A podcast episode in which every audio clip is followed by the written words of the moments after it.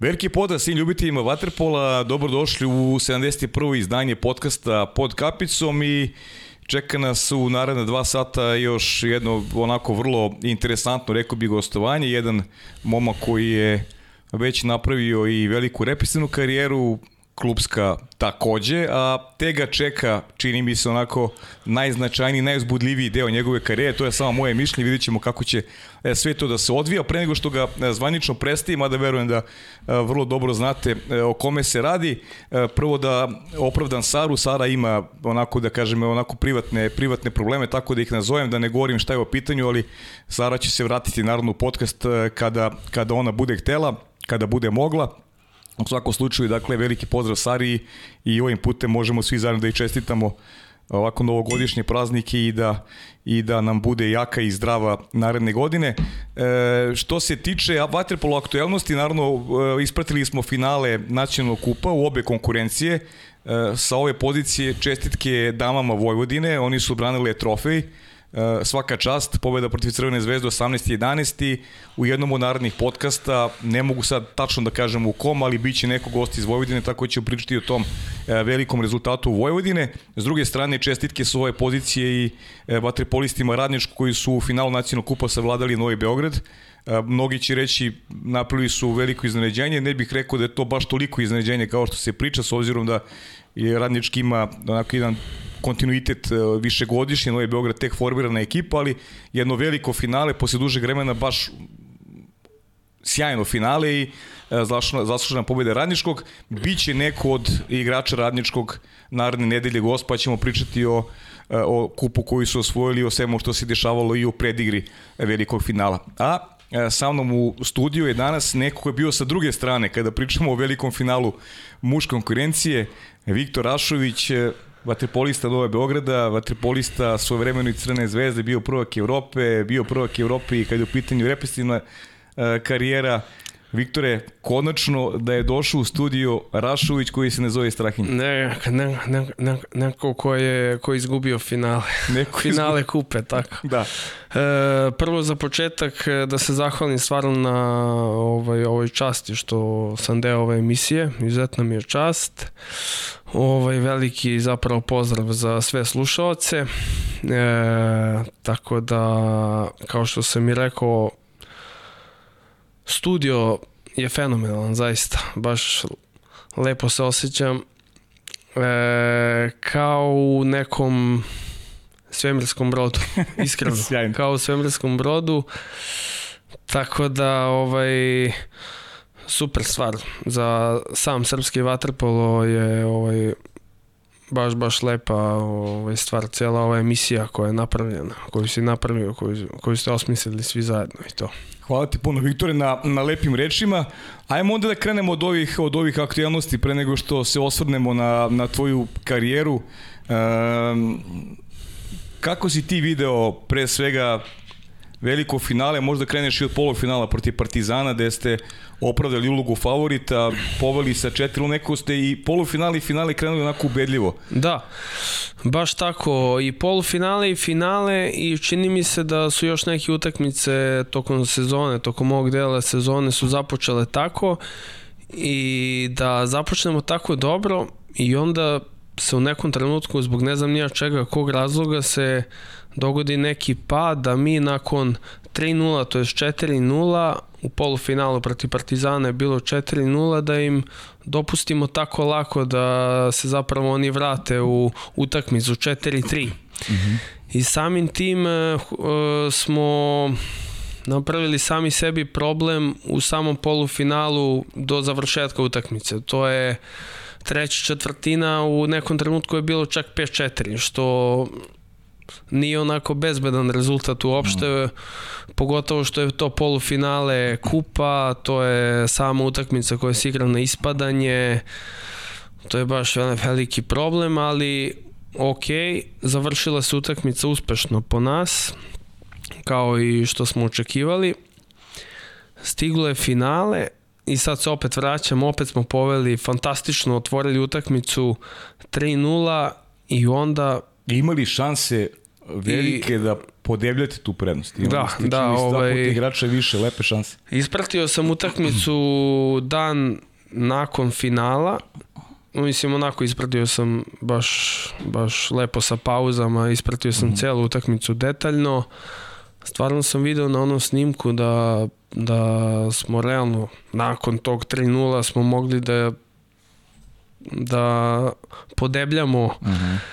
Na 6-0, uh -huh. bukvalno. Ali iz, ne, iz nemam pojma nijakog razloga, kao i u polufinalu nam se opet dogodilo isto. 3-0, 3-2, pa 4-2 i onda čini mi se da čini mi se da su oni napravili veliku seriju od pa recimo okrenuli su nas da. tako lako okrenuli su nas tako lako što što po meni za... Od, od, od 5-3 za vas došli su na 7-5, napravili seriju 4-0. E, e, Imali e, su prvo da, seriju da. 3-0, pa su onda napravili seriju 4-0. Da, 5-3 pa 7-5. Da. To je, to je po mom mišljenju za, mislim, ovo ekipu koju imamo mi malo nije, nije ovaj baš dopustivo. Uh mhm. -huh.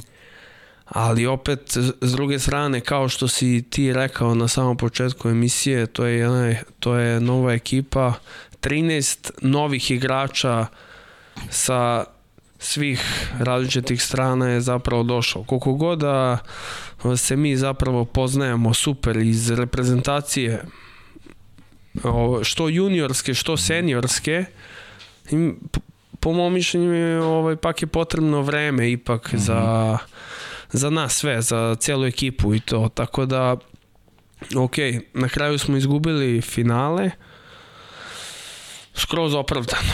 Mm -hmm. I ovom prilikom bih stvarno rek, ono, čestitao bih ekipi radničkog svim igračima i stručnom štabu na fenomenalnoj utakmici. Vrlo moguće da je to da je to čak i najbolja utakmica od radničkog ove sezone. Pa sigurno, da.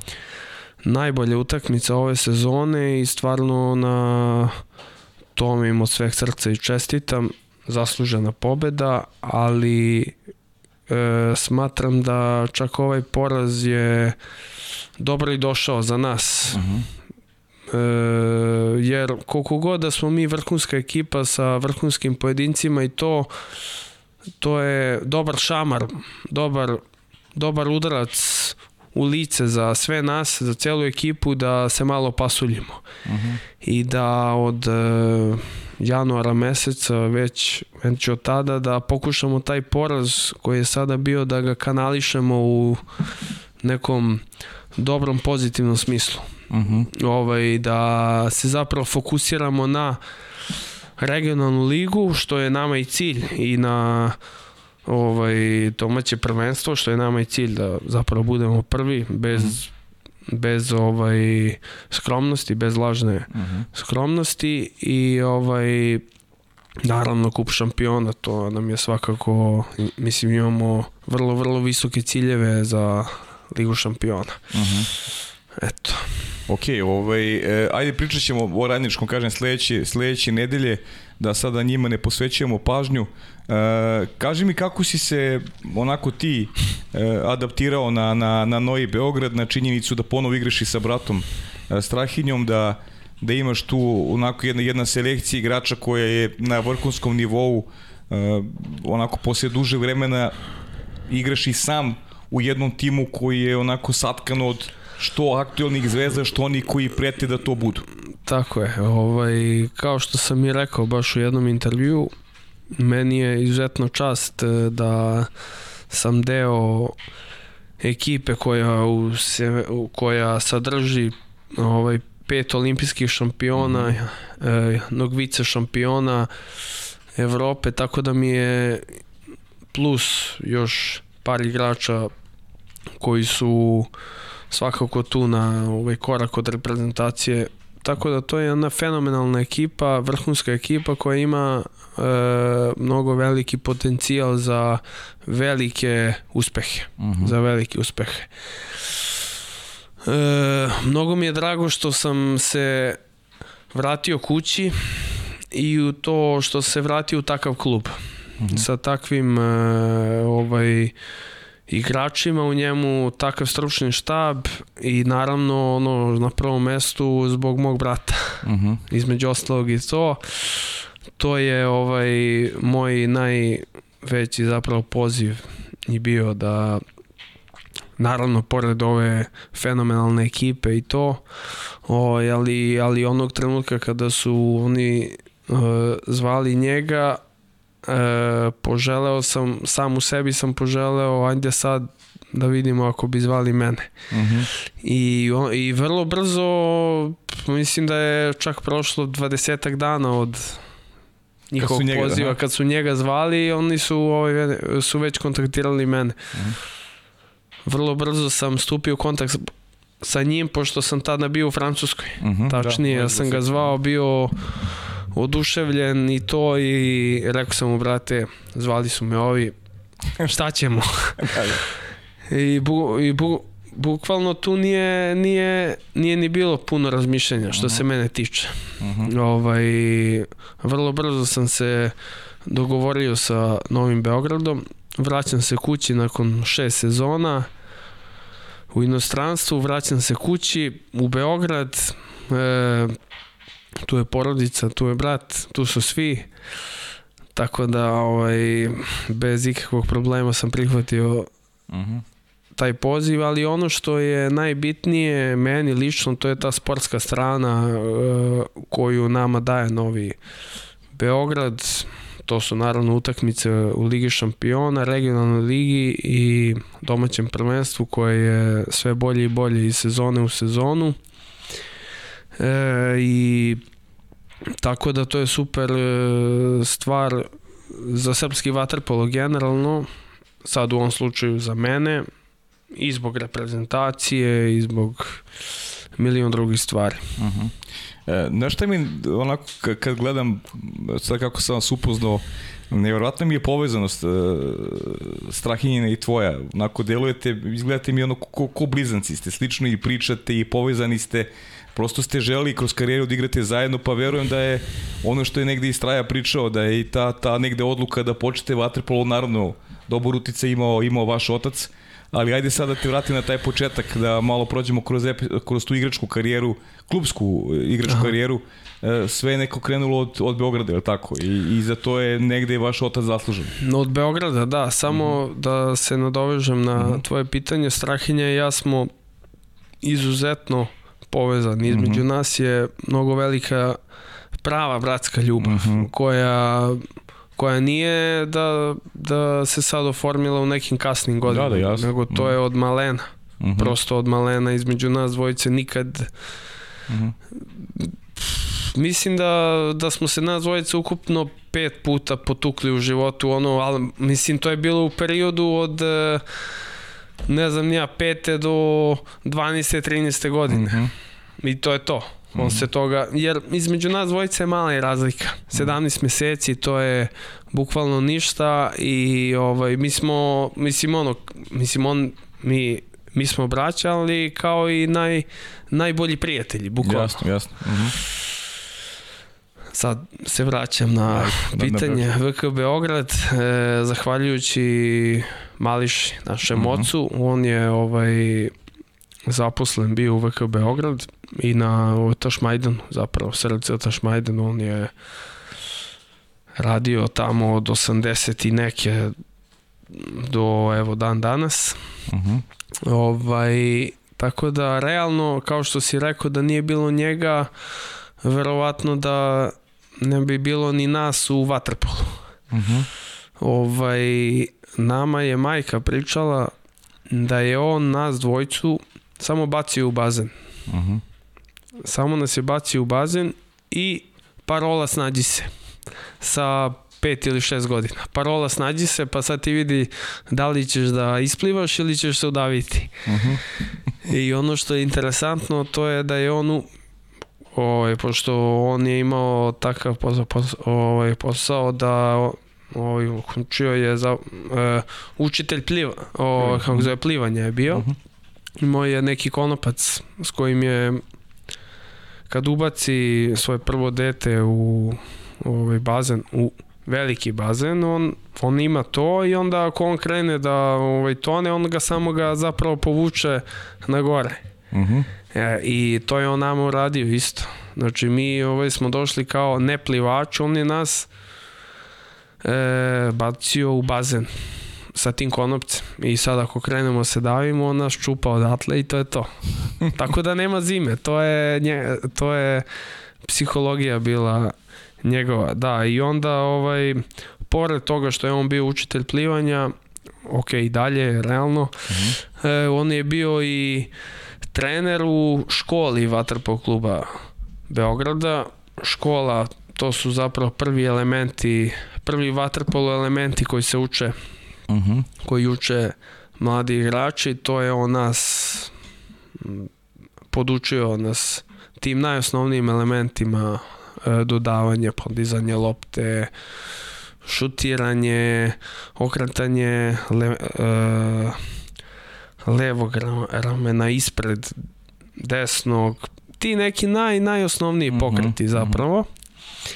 Ovaj, e, i vrlo brzo smo, smo mi, ve, smo mi već ovaj, ono, već ovaj otišli u te takmičarske kategorije. Uh -huh. Strahinja je uvek bio u, u ovoj kategoriji mislim on je stariji od mene evidentno i on je uvek bio u generaciji 91. Uh -huh. A ja sam imao svoju generaciju 93. Tako da smo mi u, u, tim, u tom nekom periodu petlićima i to smo uvek bili razdvojeni u tim kategorijama. On je imao svoju generaciju, ja sam imao svoju generaciju. Ono, ko, ovaj, ko nije imao svoje drugare, ja sam imao svoje. Uh -huh. Ovamo. E, I ovaj, s tim što bih ja ponekada, ponekada kao tada mlad, talentovan i to bih po neku utakmicu sa ovaj, njima igrao. To je, to je ovaj, bilo interesantno, a, ovaj, ali on imao svoju ekipu tamo. Strahin imao svoju ekipu generaciji 91. Ja sam imao svoju, svoju ekipu generaciji 93. i to je zapravo bilo tako. I e, ta generacija 91. Strahina je bila najbolja u Srbiji od kadeta do juniora. U svim kategorijama od mislim da ovi su oni od 11. 12. do 18. su osvojili sva moguća takmičenja. Znači to je bila dominacija generacije 91. škole Vatrpov kluba Beograd i protiv Partizana i protiv Zvezde i protiv svih ekipa. Tako da mislim da je ta generacija 91. Beograda u kojoj igrao i Nemanja Ubović, naš drug Uba, je najbolja generacija u tom klubu zapravo. Uh -huh. E, ovaj, i onda, ok, sve je to tako išlo do prvog tima. Prvi tim Beograda, obojca, e, prvo je zapravo ušao Strahinja u prvi tim, uh -huh. čini mi se dve, e, 2007. 2007. je on ušao u prvi tim, ja sam ušao godinu dana kasnije. Godinu dana kasnije. E, I taj period moja, moja prva seniorska utakmica je bila protiv Niša uh -huh. e, u Nišu protiv Savera Anđelovića Protiv Saver Anđelovića, ovo protiv Savera Anđelovića to je moja prva seniorska utakmica to je bilo 2008. Aha. E, 2008. sam imao 14 odnosno to je 15 godina nepunih 15 e, ovaj, i u toj utakmici smo pobedili u Nišu, bili čak mislim da je bilo 3-4 gola razlike, ali ono što, što sam zapatio iz te utakmice da je Sava dao je, je takođe kao jedan vrlo mlad igrač, tad klinac 14-15 godina dao takav gol kroz glavu ovom našem golmanu pliska kroz glavu. Golman je nije video. Tog trenutka sam video vidio Savu. Ali, poenta u tome što e, moje prijateljstvo sa Savom Ranđelovićem je ovaj, još od 2003. četvrte kada smo se mi puno puta sastajali u juniorskim takmičenjima klubskim. Uh -huh. Puno puta smo mi ovaj, tako igrali jedno protiv drugog. I ovaj, od reprezentacije, da kažem prvi poziv u reprezentaciju i moj Savin je bio, za juniorsku naravno, je bio 2007. 2007. godine. Uh -huh. I od tog dana, verovali, ne, verovali ili ne, uh -huh. mi smo cimeri i dan danas, znači uvek kad se negde putuje, sa, ovaj, uvek, smo na, uvek smo na dvojice u sobi. Uh -huh. Ovog trenutka pozdrav za mog prijatelja Savu. Pozdrav Savu, imaće nešto Savi tebi da kaže kasnije tokom emisije. Volim gosta kome ne, ne treba posljednja pitanja, Maltine da si ovaj, onako prepričao sav taj, taj rani neki period uh, tvoje, tvoj, tvojih početaka. Kaži mi još samo ovo, ili bilo nekih interesovanja za neke druge sportove kad, kad ste bili klinci ti, ti Strahinja i i ovaj, teo si još da, da, mi, eto, da posjetiš malo na to druženje koje imate sa, sa uh, ekipa Beograda i dan dana se okupljate i, i, i znam da negujete ta prijateljstva, zaista onako jedno jedno specifično druženje i škola koja iznedrila veliki broj baš super talentovnih igrača koji su kasnije s reprezentacijom osvajali najveće odličje. E, prvo pitanje, da. ovaj, da li smo išli na neki sport, išli smo jedno to je opet pitanje, ja mislim koje je Strahinja već mm -hmm. ovaj, dao odgovor ovde, išli smo na ovaj, karate. Mm -hmm. Na karate par meseci bukvalno 6-7 meseci to je bilo to. Ove, ću kažem da kod nas dvojice nije ni bilo pitanje da li ćemo se baviti nekim drugim sportom. Da. To je, mislim, evidentno to je, tato, je zapravo to je tato odredio, da. bilo da, da, da o, ali mislim, a, mislim, ajde što je on odredio, ali hoću kažem, ni on majka e, nama dvojici nikada nam nisu nikada nas nisu uslovljavali kao, e, ti moraš da se baviš uh mhm. -huh. vaterpolom. Ne, mislim, uvek je bio naš izbor. Uh mhm. -huh. Tako da ovaj sport kojim se bavimo, to je isključivo naš izbor, moj i njegov, naša želja, jedinstvena. Mogli smo mi i na košarku, i na odbojku, i na šta god, ali ne. Nama se u samom startu se rodila ljubav prema vaterpolu. A škola VK Beograd, ovaj, cela ceo zapravo taj klub imam ja ovaj, to je klub koji je osnovan 1978 godine, čak je i Makuljevi Đorđe Maka napisao mhm. -huh. knjigu.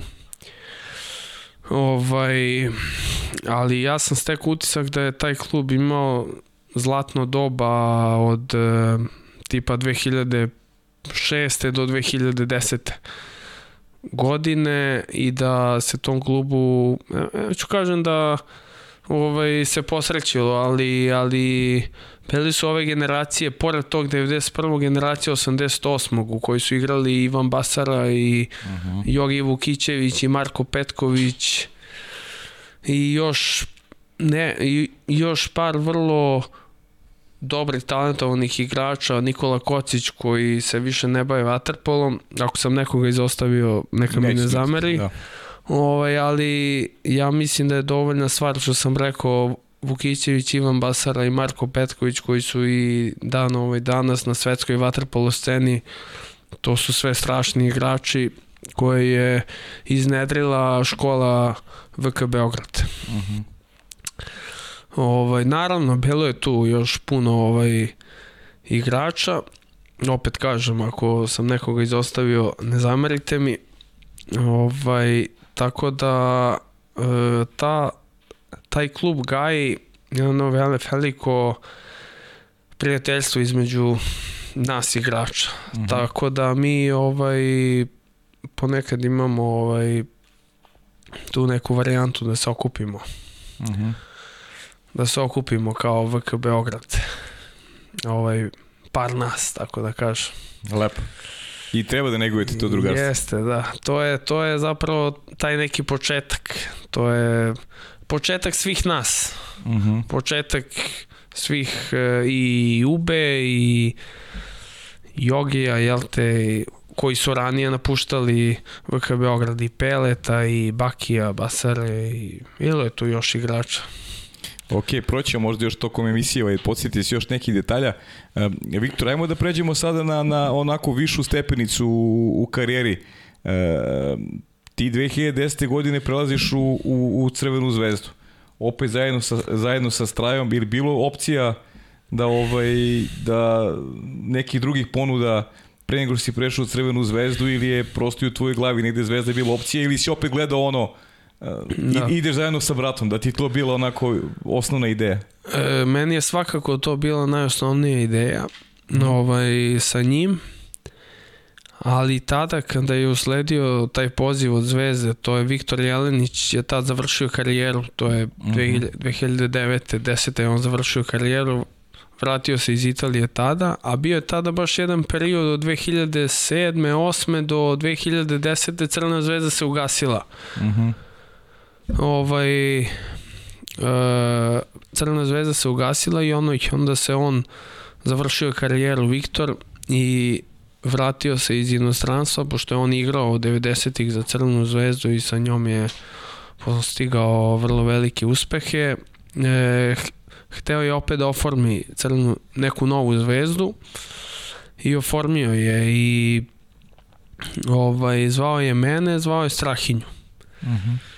I naravno te, te sezone tu je bilo još nekolicina vrhunskih dobrih igrača koji su bili 20 godina, po 20 godina stariji od nas, između, između ostalog tu je bio i Dejan Savić koji je ta završavao karijeru, bio funkciji trener igrač, tu je bio Rista Maljković, kog vrlo dobro znate, znamo svi, zna ga srpski vaterpolo, Boban Antonijević takođe, mhm. -huh. Dušan Krstić, to su sve i igrači od kojih smo mi puno učili. Što kroz vaterpolo u samom sportskom smislu, što i ovako van bazena. Mhm. -huh. Ovaj, e, e, a da, sada da, da se vratim šta se zapravo dogodilo tada. Uh mhm. -huh. Znači oni su zvali mene, ja sam rekao može odmah prihvatam, idem u zvezdu, srećan, ekipa takva kakva je, prosto to je e, prosto to su neka nova vrata koja mi se otvaraju uh -huh. u, mhm. u ovaj mom putu. Tada, tada sam imao 17 godina. Uh -huh. 16-17 godina, to. Strahinja je tad u tom trenutku razgovarao sa Ikodinovićem za Vojvodinu. Uh -huh. I bilo je ono, da li će on ići tamo i on je u, u suštini ovaj Fenć ovaj, mislim, odlučio da uh -huh. ovaj će ići tamo u Vošu. Uh -huh. Jer oni su ovaj, ta, o, su zapravo tad u tom trenutku su već bili klub sa nekim renomeom, klub koji se već takmiču u Ligi šampiona, uh -huh. koji već obeležio neke rezultate u Ligi šampiona. I bio je taj jedan dan kada je on zvao klub da im potvrdi da to je bila nedelja, da im potvrdi da već će doći u Vojvodinu. Međutim, ovaj, to, e, tog dana se niko nije iz Vojvodine javio na taj telefon. Bila je nedelja. Neradan dan, verovatno ljudi otišli sa porodicama.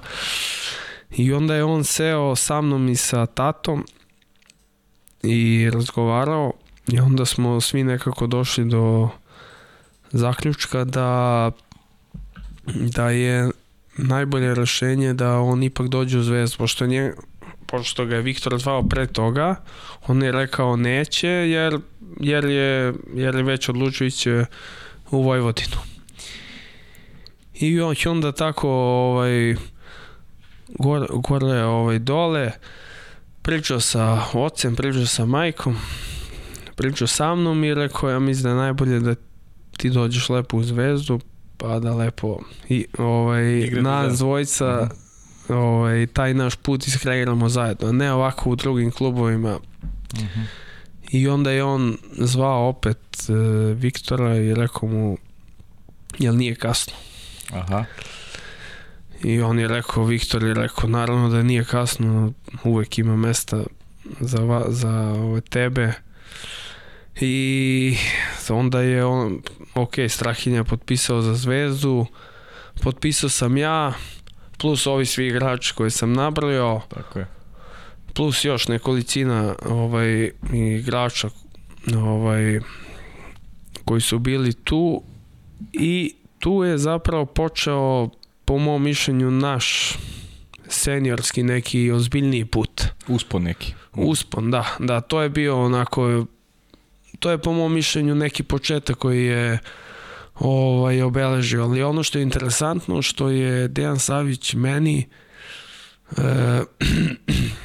e, na zapravo to leto, juniorsko leto 2010. smo imali evropsko prvenstvo za do 17 godina. Uh -huh. U, u toj ekipi smo igrali i Sava i ja. Završili smo četvrti, ali to je bilo e, jul ili avgust mesec, a u septembru mesecu je on bio saigrač. Da, da, jasno. To je, Mm. to je zanimljivost ovaj, koju, koju bih izdvojio. Tako da, kao što sam mi rekao, to je, to je neki početak bio, ovaj, to je neki moj početak bio seniorskog puta. Mhm. To, o, od 2010. eto. To ja tako gledam. Pa i u krajnjem slučaju neko stvaranje eto tih igrača koji koji onako će biti sad okosice reprezentacije, poput Save Ranđelovića, Da, e, da. stra, tebe, Strahinje, to su sve momci koji, e, vi ste momci u stvari koji ste još tada prošli po znacima navoda kroz ruke Dejana Savića koji je počinjao svoju trenersku karijeru upravo u, u, u Crvenoj zvezdi. Baš tako. Baš tako. Dejan je započeo svoju karijeru sa nama trojicom. Mm. To nema nikakvog što e, to jest prvo je započeo sa mnom i sa Savom u reprezentaciji. Tako Posle je, da. toga se je Posle zapravo... toga ste igrali zajedno? Posle toga smo igrali malo zajedno u funkciji trener igrač. Tu je bio Straja, Sava tada, e, tada se nije dogovorio sa Zvezdom. Zvezda ga je zvala, bila iz Niša isto, ali na kraju se nisu dogovorili, pa je Sava otišao u Žak U Žak, jeste, da. iz Kikinde, da, i onda smo zapravo te sezone smo Sada i malo neobičan put ima ovaj. smo igrali jedan protiv drugog. Ovaj, ali, ovaj, ali uvek je ovaj bila ta nekakva ljubav između nas trojice. Save, Strahinje i mene. To je uvek bilo ovaj, uključeno. A kaži mi Viktore, ovaj, ajmo, ajmo da, u stvari da razbijemo malo s jednim pitanjem, eh, da razbijemo malo ovaj, ovu priču našu. Đermanija. Reci nam kako su se ljudi sa tobom potreli u Dubrovniku, pošto svi znamo da se tamo ostavio traga. Ne čujete. Ovaj, reci nam ko je tvoj večiti cimer i kad ćeš da nam pobediš u tom Soniju. Ćao. Znaš čoveka, znaš? E, ne znam ko je ovaj momak. Upoznaćemo se valjda posle. Da, da, Zvaću da, da ću vam tu priliku. Zvaću ga posle emisije. Ovaj, Pozdrav, Straji, veliki. brate. E, u Dubrovniku, da, prvo pitanje vezano za Dubrovnik, meni je bilo, ja sam se fenomena, fenomenalno tih godinu dana proveo u Dubrovniku u svakom smislu. Ajde, pričat ćemo kasnije. Da, I, o- i, imamo se, a samo, Potom, e, potom. kako ste zvali, šta, šta, je, šta je bilo pitanje, kako ste zvali u Dubrovniku? E, kako su me zvali? Da, je li to bilo pitanje, jeste? Uf, e, ne, mislim da, da nije to bilo pitanje. Nego? Daj još jednom ga upali, molim te. ajde, ajde, ajde. Ajde. Đermanija. Reci nam kako su se ljudi sa tobom potreli u Dubrovniku, pošto Kako su se pozdravili? znamo da Ok. se tamo ostavio traga. Ne čujete. Ovaj, reci nam ko je tvoj večiti cimer i kad ćeš da nam pobediš u tom Soniju. E, E, a, da. Kako ste e, me zvali, bravo. kako su me pozdravili i to, ovaj, zaista na jedan lep, fenomenalan način, zaista. E, moj večiti cimer, e, kao što sam i rekao na početku emisije, je Sava Ranđelović, tu nema ovaj, greške. A ovo što se tiče Sonija, a, ovaj, stvarno se nadam da će se nekad ukazati prilika da pobedim Strahinju u Soniju. Strahinja je baš jedan tip koji je vrlo e, ovaj, onako voli da, da se takmiči. Voli, Mhm. Pored vaterpola, on, ovaj, on voli da se takmiči u, i, u, i u ostalim sportovima. I Mhm. onda, ovaj, pa čak i u Soniju eto, da, da ga nazovemo sportom. Pa dobro, okej, okay. i to je takmičenje. I u nekom tenisu i to, i u nekom kuglanju, on uvek voli da je on najbolji, da je mm. Najdominantniji. Ali igrate i tenis, igraš, igrate i tenis jedan po drugo. Da, da. Mm -hmm. I bolje je tu, jeste? Pa bolje, ne mogu da iskreno kažemo e, da, da vas slažem, bolje je, ovaj, ali baš ima jedan jedan deo što on nikada nije zapravo priznao, uh -huh.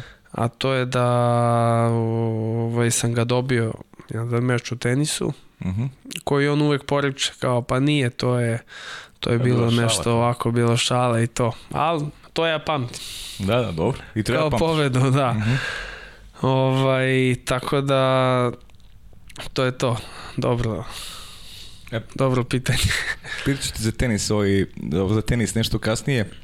E, kaži mi, e, Crvena zvezda, e, to je, sad opet dolazimo do, to, do te stepenice u, u, u tom nekom dodatnom razvoju vašem kada e, pro reko ne igra Ligu šampiona i Zvezda koristi priliku i dovodi onda i Andriju Prlinović, dovodi Duška Pjetlovića, dolazi Nikola Rađen, E, negde neki, neki novi stepenik vaš u razvoju e, vrhunski igrači koji igraju u velikim klubovima koji da. imate priliku s njima da trenirate pre svega a onda i da igrate utakmice i negde Dejan Savić koji je pokazao godinama nazad da je zaista veliki majstor svog zanata, nevezano uz igračku karijeru, on je kao trener zaista ispisao jednu, jednu prelepu stranicu istorije ovog sporta, da je on je uvek uspevao da negde napravi jednu dobru kompoziciju tima da negde tako da taj negde selekcija mladih i, i tih starijih igrača funkcionišu onako jedan skladan kolektiv.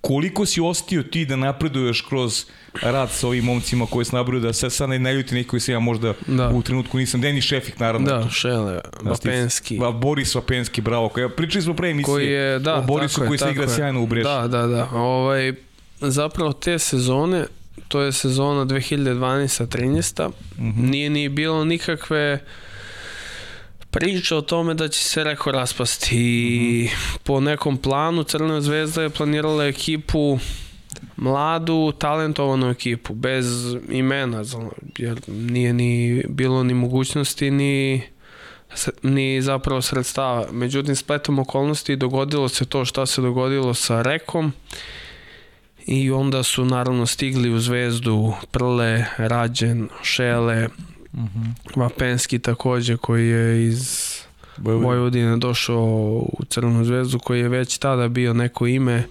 reprezentativac Srbije a, Duško Pjetlović mhm. -huh. tako da e, su zapravo sva sva petorica za nas mlade Strahinju, mene, Savu, Savu. Da. još nekolicinu, Nenad Stojčić je bio, još uh mhm. -huh. nekolicina igrača, su puno značili što, što su oni tu. Marko Vramović je bio. Bio je Avra, da. Avro, izvini što... Ovaj, da, da, evo, pa ja sam bio je Avra, Avra, bio je Avra. I bilo je tu još, još ovaj, poprilično dosta dobrih igrača. Uh -huh. To je za nas bio za nas mlade bio ovaj baš jedan vrlo bitan period i zapravo to je ona zvezda koja se i pamti koja mm -hmm. se i mhm. pamti to 2010 11 11 12 je bila uvodna zvezda da kažem 11 12 tu je već bio Jugoslav Vasović pa da kažem što je da kažemo neki početak uvertira za ovaj, onu crvenu zvezdu koja tek sleti. Pa to je samo da se nadođemo i to je ona, ona godina kad je Zvezda izgubila recimo tako finalu je, tako Partizana. Je, tako je, da. Partizan da. ima moćni sastav, ali bukvalno Upravo su bile tako. obe utakmice na, bukvalno na gol Jest, da. da, da, i ovaj, to bio je Juga, znači imali smo ovaj, da, da je golman bio Gojko. Gojko je bio, koji je, jeste Gojko Brenja tada. Koji je stvarno bio fenomenalan te dve sezone zaista ovaj i onda naravno kao što sam i rekao naravno znači ona crvena zvezda koja se pamti to je 2012 13 13 14 te dve sezone meni je žao što to nije potrajalo malo više mm. ovaj, ali u te dve sezone smo mi stvarno napravili fenomenalne rezultate uh -huh. i za nas mlade igrače je bilo vrlo bitno što imamo šansu i mogućnost da sarađujemo i naravno treniramo svaki dan sa ovim, -huh. ovim imenima kojima, koje sam rekao. Uh -huh. Jel pamtiš nešto, Viktor, nešto upravo iz, iz tih treninga, nešto što je specifično tebi ostalo onako urezano vezano baš za, ne znam, za, za neki način rada ili nešto si prepoznao, ne znam, zapamtio kada je u pitanju Andrija, znamo kakav je to profesionalac da, da. i kakav je velikan ove igre u svakom pogledu. Da, da. E, ne znam, Andrija, šef, da li si e, nešto pa, pokupio, nešto, šta, šta ti je ostalo urezano? Onako? Pokupili smo sve, sve, sve zapravo što ovaj, što je bilo u našoj mogućnosti da zapravo pokupimo i od Šeleta koji je bio stvarno te dve sezone branio možda čak i najbolje u karijeri ograđujem se, nemam pojma, mm -hmm. ali, ovaj, ali ja sam stek utisak da je on bio zid. Zid kom nije bilo šanse da daš gol. Yeah. Tu je bio Prle koji je bio mlad mlad igrač tad, ko, znači 2012. on nije imao 25 godina. Mhm. -huh. Koji je već tada bio Svetsko ime. Svetsko ime, tako je. Tako da od prleta smo, smo najviše pokupili sva trojica. Uh mhm. -huh. I Strahinja i Sava i ja, naravno tu je tu je bio i ovaj Avramović koji je koji je zapravo na mojoj poziciji. Uh mhm. -huh. Desnoruk, nezgodno krilo, koji je bio reprezentativa yes. Srbije, svetski šampion, je jedan vrhunski vaterpolista bez premca, od kog sam ja puno pokupio u tom defanzivnom smislu. Mm -hmm. ovaj, to je baš jedan takav odbranben igrač za velike primere Avra, mm. Avra. Tako Jest, da puno Marko, sam Marko ja ovaj razgovarao bio ovde, bio ovde, imali da pričamo, da. Puno sam ja razgovarao sa njim u te dve dve, tri sezone koje smo odigrali zajedno u tim nekim elementima, kako se postaviti, mm -hmm. kako igrati protiv tog igrača i to, mislim, on mi je bio, kako kažem, stariji učitelj, mm -hmm. ali onako, baš moj, jer, jer ovaj, smo na istoj poziciji, ista nam je uloga u ekipi, desnoruk u nezgodnom krilu, mm -hmm Ovaj, tako da izdvojio bih što se mene lično tiče Avru koji od e, zapravo kog sam pokupio mnogo, koji mi je mhm. puno ovaj, doprineo i do dana današnjeg uh. -huh.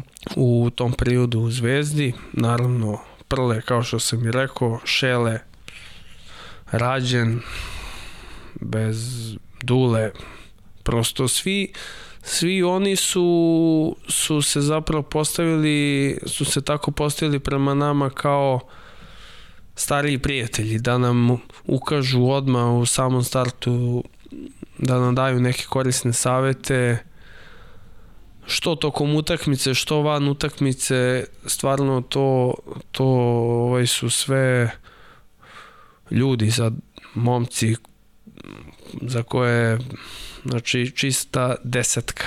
To su da. sve fenomenalni ljudi, fenomenalni momci i hvala im na ovaj, tom našem usponu koji, koji zapravo, ono, mislim, oni imaju baš veliki uticaj.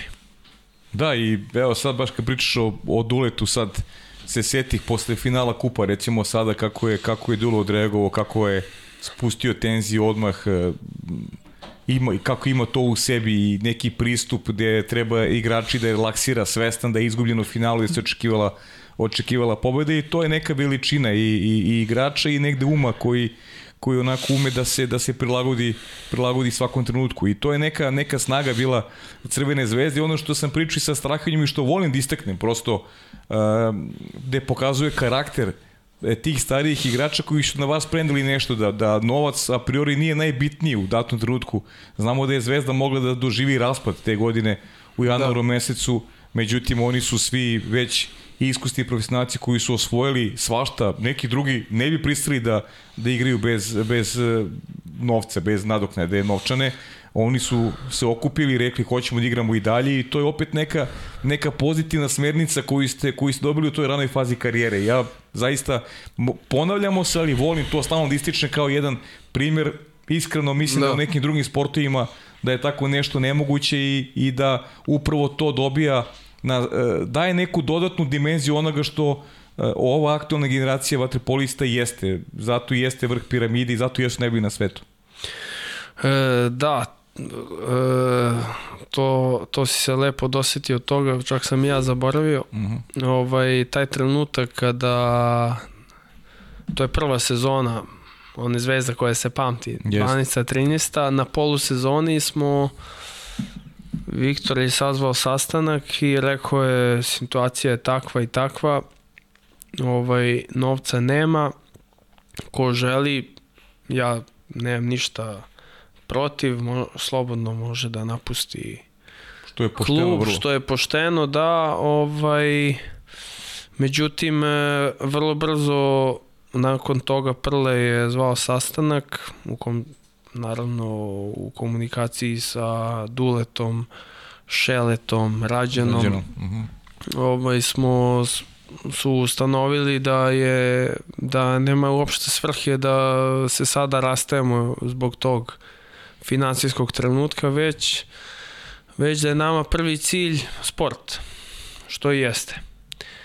Tako da e, to je neka stvar koja je na nas uticala u, u tom smislu da, hoću kažem, e, koju smo mi vrlo rano pokupili uh mhm. -huh. i utuvili u glavu da Waterpolo je nažalost takav sport da u svakom trenutku može, ovaj, se zapravo može dogoditi tako neki finansijski raskol da, da se nema i tako dalje ali, ali, ali ako smo već krenuli u sezonu i to pa nema uopšte svrhe nije dobro ni za koga da se sada staje ako smo već krenuli idemo do kraja i ono što je dobro što takva stvar takvu ekipu ujedini uh -huh.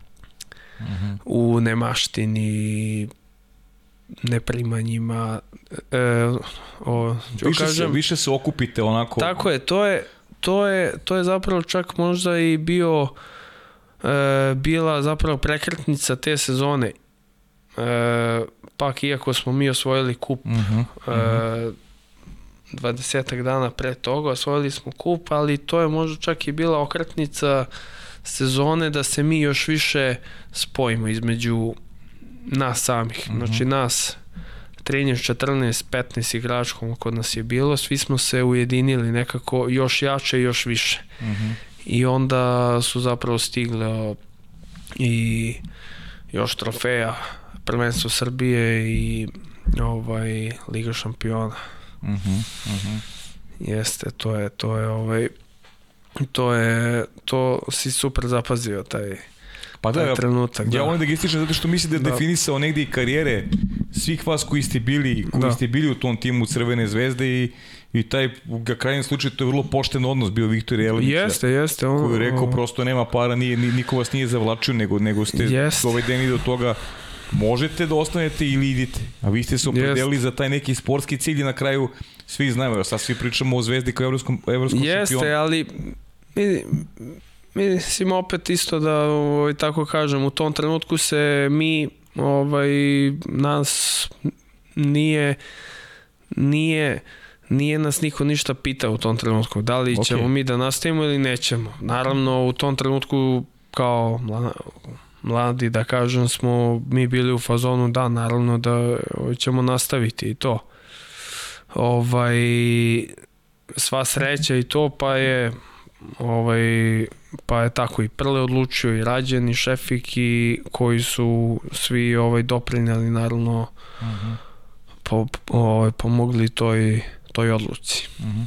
Viktore, da. e, titula prvaka Evrope protiv Juga, ono veliko finalu u Beogradu, a onako atmosfera se ne pamti i mislim da se nije ni dogodila na Vatepolu, ne pričam samo o, o teritoriji Srbije, nego generalno uh, začinjena godinu dana kasnije i sa osvajanjem Len Super Kupa. Da. Dakle, onako Zvezda je negde objedinila te, te, te titule i Pa ajde, to čisto ne moramo ono nešto, nešto da. predugačko, ali eto, čisto da mi kažeš kako, kakve, kakve emocije imaš odatle i koliko te ta sezona tebe učinila jačin s obzirom da si imao prilike da odmoriš snage sa najboljim igračima sveta i igraš to finale protiv Juga koji je možda po imence bio najmoćniji tim Evrope u tom trenutku. E, ta ekipa Juga, ovo vam govorim iz iskustva što sam bio u Jugu, Uh -huh.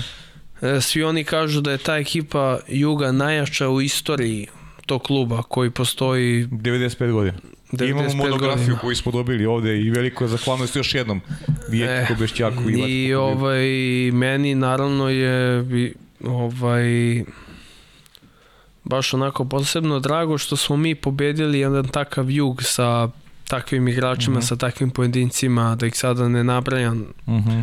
bili su pre mene igrači koji su pričali o tome ovaj, da ih je pobedila ekipa koja je dva puta koje dva puta tokom te sezone izgubila od Juga. Prva utakmica na 11. aprilu smo izgubili pet razlike. Ovaj, to je bio oktobar mesec, onda smo u revanšu izgubili opet 5, 6, 4, U 5 Dubrovniku. u Mhm. Dubrovniku, da. I onda je usledilo to finale, taj Final Four, čuveni koji dan danas pamtimo svi, pamtim ga i ja, kao mo- možda čak jedan, od najvećih mojih uspeha u, u karijeri. Definitivno. Tako da Mhm. ovaj to finale ovaj budi u meni emocije. Baš, vele, baš velike ovaj, emocije i vrlo, vrlo često upalim tako snimak pa Gledaš i dan danas? Pa pogledam tako neke sekvence tokom utakmice, šta, gde je bilo, kako smo radili, kako Mhm. smo Ja, slavili. Ali ima nešto čime, čime si zadovoljan, a čime nisi ovo sad kad, kad analiziraš? Jer ima... Pa normalno, mislim uvek ima onih stvari koje su bile vrhunski urađene, uvek imaš one koje su bile katastrofalne, Mhm. ovaj, ali po mom mišljenju, ovaj, ako si se već okitio zlatom, i to pogotovo takvim e, zlatom, sve zapravo ono što je što je loše se nekako izbriše Uh -huh, pa jasno, da. to se nekako izbriše, ovaj, to to je, vi, to je više stvar za, za, za, kako se zove trenere da izučavaju snimke detaljnije, Uh -huh. detaljno ko je gde šta grešio i to, iako si osvojio titulu i to. Jasno, jasno, jasno. E, hoćemo pustiš ono pitanje, Vanja, pre nego što nastavimo priču. Pozdrav svima u studiju, pozdrav Amante. Zanima me koje su idealne proporcije jednog profesionalnog sportiste visine i težine. Pozdrav svima, ćao. Hvala Dimitrije, pozdrav još jednom. E, idealne uz Veli, uz veliko poštovanje svih teškaša u ovom našem sportu, ali najidealnija, ovaj, ako ćeš da budeš najbolji, mora da bude 190-90. To je, to je neki recept za Dobro. uspeh. 190 visina, 90, 90 kg. Uh -huh. A što je Dimitrija to zanimalo? Što je to pitao? E, šalim se naravno, ovaj, to, je, to je neka šala između nas dvojice jer e, smo, jer smo nas dvojica po nekoj građi smo skoro pa identični. Aha, Identična visina, identičan broj stopala to stvarno. identična kilaža, da. Tako da, tako da ovaj, smo se mi uvek i šalili tu na taj račun 190-90. To je ideala za, za zapravo sve u životu. Ne, ne, ne samo za sport. ne ovo je samo za sport. To je ideala za sve u životu. I za život van, van vaterpola i za ovaj fakultet i za ovo i za ono, ali to je to. To je 190. Ovaj, ukoliko misliš da si uspešan u životu, moraš da posjeduješ 190-90, pa ti vidi kako ćeš. Pa pazi, ovaj, sa, vis, sa visinom, znači ja sam taj, ali te, ubi me težina. Kako koga? Pa, le, ovaj, kao i Moli ste pomeriti tu granicu u težini, znači. Kao što, da se pregliče. kao što sam i rekao i to ovaj, uz svo poštovanje ovih teškaša Mhm. I to, ovaj, ali da, morat ćemo da zapravo pomerimo granicu koja će se verovatno pomeriti jednog dana kad završimo svi ovu vaterpolo priču. Ja ću da je pomerim kako meni bude govaralo, dobro? da. E, a kaži mi ovo, hoćemo da završimo priču o Zvezdi, ili imaš nešto još da kažeš vezano za Zvezdu što je tebi onako, nisam te pitao, a ti bih želao da istakneš kao... E, imam, imam, da. Mhm. To je sezona nakon osvajanja Lige šampiona, Mhm. što eto, kao što se zna da smo izgubili od proreka na peterce, čuvene To je onaj čuveni Avrin gol za, za petercu. čuveni Avrin gol za peterce i moj naravno promašaj u toj penal seriji. Promašili smo i e, Tri, tri, tri promašaja. tri promašaja smo imali, da, da. Ja sam zaboravio ko je, znao sam. E, Strahinja, ja i, i e, Vapenski, ja mislim. I Boris promašio, ja. Mhm. Mislim da je on, ne mogu sad tačno da se setim, ali da se vratim, ta sezona je mnogo obećavala. E, I ja sam siguran da smo zapravo tada prošli na te peterce, to jest da nije ovaj, zapravo tad ustanovljeno to neko pravilo da osvajač Ligi šampiona ide u kvalifikacije. Jest. To meni nema nikakvog smisla, niti veze, veze Mhm. ni sa čim uopšte. Ovaj, ja sam siguran da, da bi mi opet osvojili Ligu šampiona. Da. Opet. Mhm. E, te druge sezone Dule otišao u Kazanj, stigo je John Mann i Vukčević. Mhm.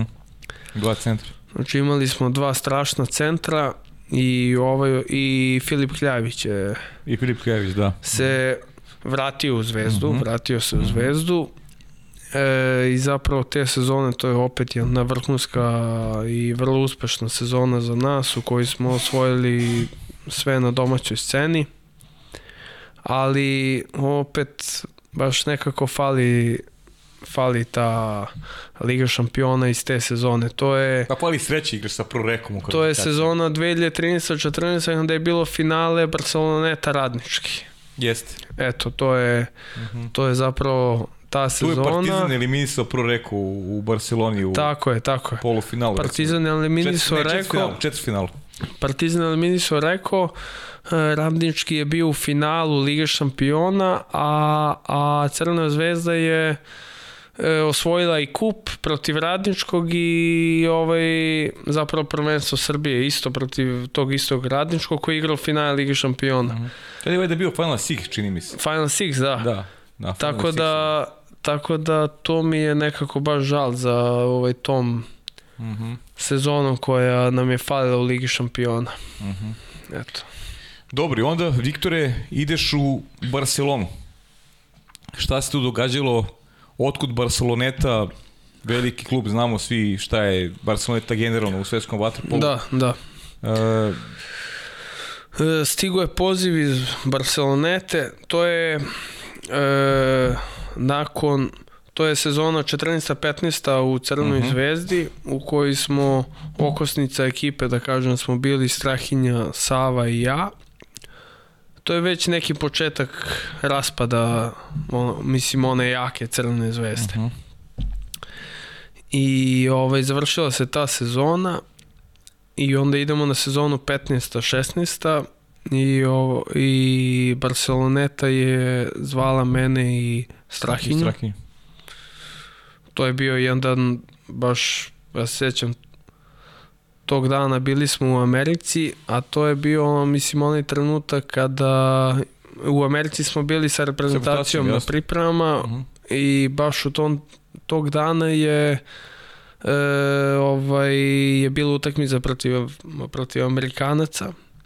I to je onaj za o, mislim onaj trenutak kada je Smith udario Strahinju Mhm. u oko e, da je on napravio posle toga veliku pauzu 2-3 meseca ali baš to veče, baš to zapravo veče je ovaj su oni nas zvali i onda u svom tom haosu da kažem koji se tada dogodio na toj utakmici s tim udarcem u oko Strahinje ovaj ja, ja ovaj, sam mu rekao je zvala nas je Barceloneta Uh -huh. tako da taj nekako trenutak je baš onako pomešan bio sreće i neke tuge, jer Tuge, ipak, pa da. mislim, imaš brata ispred sebe koji, koji je povređen, Mhm. koji je baš Ozbiljno povređen. vidno, vidno bio ovaj, ozbiljno zapravo povređen. I ovaj, nas dvojice smo otišli tamo, u Barcelonetu, dve sezone smo To igrali. je prvi odlazak iz kuće praktično. Prvi, prvi odlazak iz kuće, ovaj, nije, nije ovaj, uopšte bilo lako. Uh -huh. Ono, prvi put napustiti kuću, napustiti Zemlju. Zemlju i to, u neki nov svet, u nešto potpuno novo, sve zapravo ono što je bilo, to je bilo, sve ostaje iza tebe i sad moraš da dalje sam, e, sam neki put e, gradiš, a to je i, i početak, neću kažem raspada, ali, ali u tom, u, u tom periodu se srpski klubski vaterpolo e, nije, nije zapravo bio na baš dobrim nogama. To je potrajalo jedno pet sezona Mhm. sigurno. Tačno, mislim, otprilike tih pet, šest koje smo mi ovaj, bili na polju.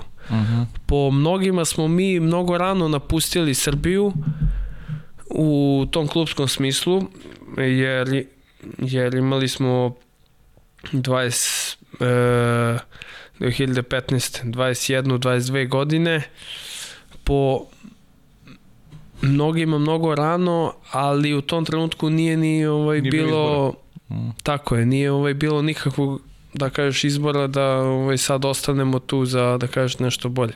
Mm. Tako da Barceloneta je nama dvojici e, fenomenalno došla kao opet jedna ovaj e,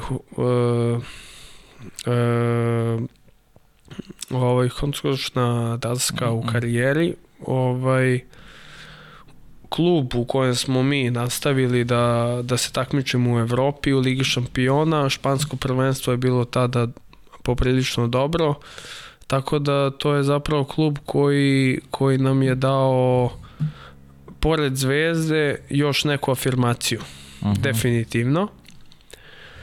E, ovaj, ali ono što je bilo interesantno što ti kad napustiš Srbiju, kada si stranac u nekom klubu, tu nema više trenera da ovaj te nauči e, tim nekim elementima šta Mhm. ćeš, kako ćeš, već oni svi ovaj o, svi oni i očekuju i da ti to već znaš, da ovaj, si ti već spreman igrač, a u- mislim u realno, realno smo mi no, vrlo, vrlo mladi igrači tad u tom trenutku. Pored tog osvajanja Ligi šampiona sa Crvenom zvezdom, ali opet smo mi realno mnogo mladi igrači u tom trenutku i nemamo mi e, svo znanja ovoga sveta. Uh -huh. Nemamo, realno, tada. Ovaj, i ali, ali, ovaj, ali u svakom slučaju to je bila ovaj, super opcija za nas dvojicu da onako nastavimo karijeru u, u istom klubu, Uh -huh. što je bio cilj. I to su zapravo bile dve fine ovaj, uspešne sezone Uh -huh. fine uspešne sezone u kojima smo ovaj poprilično dosta toga osvojili u Španiji. Mislim da u stvari si sigurno svako finale koje je bilo svako finale smo i pobedili. Uh -huh. E, a kaži mi ovo, e, hoću te pitan dve stvari, e, pa možda i tri. E, da mi ispričaš svoju verziju događaja onog e, strajenog spavanja na klupi Aha. e, i, ovaj, i da mi kažeš generalno život u Barceloni, koliko, koliko ti trebalo da se adaptiraš, šta, šta pamtiš Da. vezano za taj period u Barceloni, ne samo kad je bazen u pitanju, eto možeš možda da si neko, neko drugarstvo li ostalo i dan danas vezano za te momke koji su eto i danas takođe i okusnici reprezentacije Španije i negde onako život u gradu ili ti prijao taj život u Barceloni, život na moru i sva ta, sva ta neka gužva koja, koja je karakteristična za Barcelonu? E, ovaj, uvek kažem, e, dve godine u Barceloni su za mene dve najlepše kondine mog života. Je tako? Dve godine u Barceloni, da. Uh -huh. Iz više razloga. Ovaj, otišao sam tamo sa rođenim bratom. Uh -huh. Živimo zajedno u ovaj stanu koji je na perfektnoj lokaciji u samu obalu mora. E, sjajan klub, sjajan mentalitet oko nas. Uh -huh. Španci su manje više kao i mi, kao i kao i Srbi. Uh -huh. Ovaj e, i tu zapravo iz te ekipe smo stekli puno puno puno prijateljstava.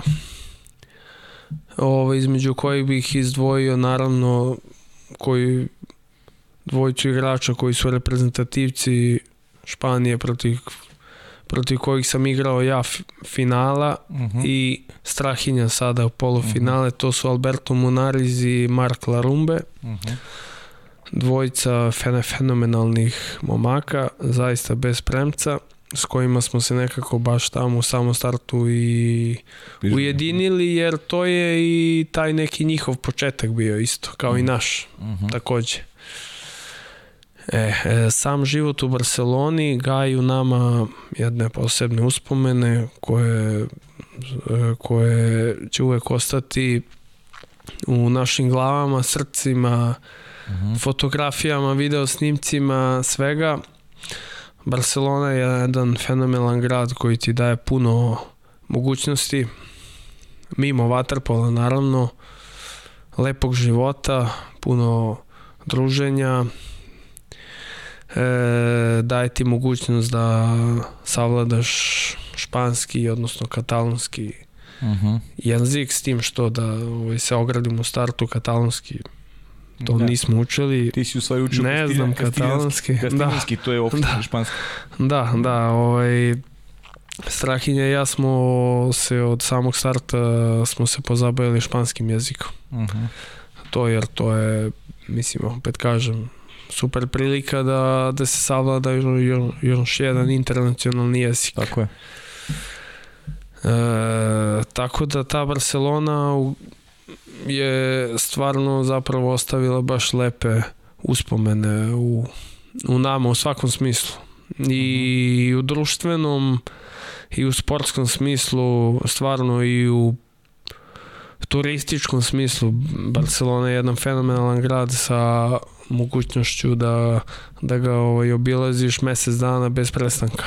Uh mhm. -huh. Milionski grad, zaista ovaj, lepo iskustvo, da. A to spavanje strajno? E, spavanje, da. e, to je bilo ne, e, to je bilo jedno veče Da, da li smo osvojili Super kup Španije ili kup kralja, sad ne, sad ne mogu ni ja tačno da se uh mhm. -huh. setim i ovaj, završila se utakmica, išli smo svi zajedno na ekipnu večeru, završila se ekipna večera, pozna, pozna, ovaj, da smo, ko je naravno hteo, išli smo u neke klubove, da kažemo onako jedan lep uh -huh. Mhm. noćni život u Barceloni i e, vratio sam se kući pre Strahinje. Vratio sam se kući pre njega. E, I naravno ugasio sam svetlo, zatvorio vrata i legao sam da, da spavam. E, sad pošto je stan, stan kao stan je bio tako koncipiran da ovaj da su e, vrata od moje sobe spavaće su e, u tom trenutku u tom trenutku sam ih ja ne mogu se setim da li svesno ili ne, ili ne e, sam za, ovaj, tvorio vrata. Zatvorio sam uh mhm. -huh. ta vrata. I onda je, e, a, a ključ sam ostavio u bravi. Ključ sam ostavio u bravi.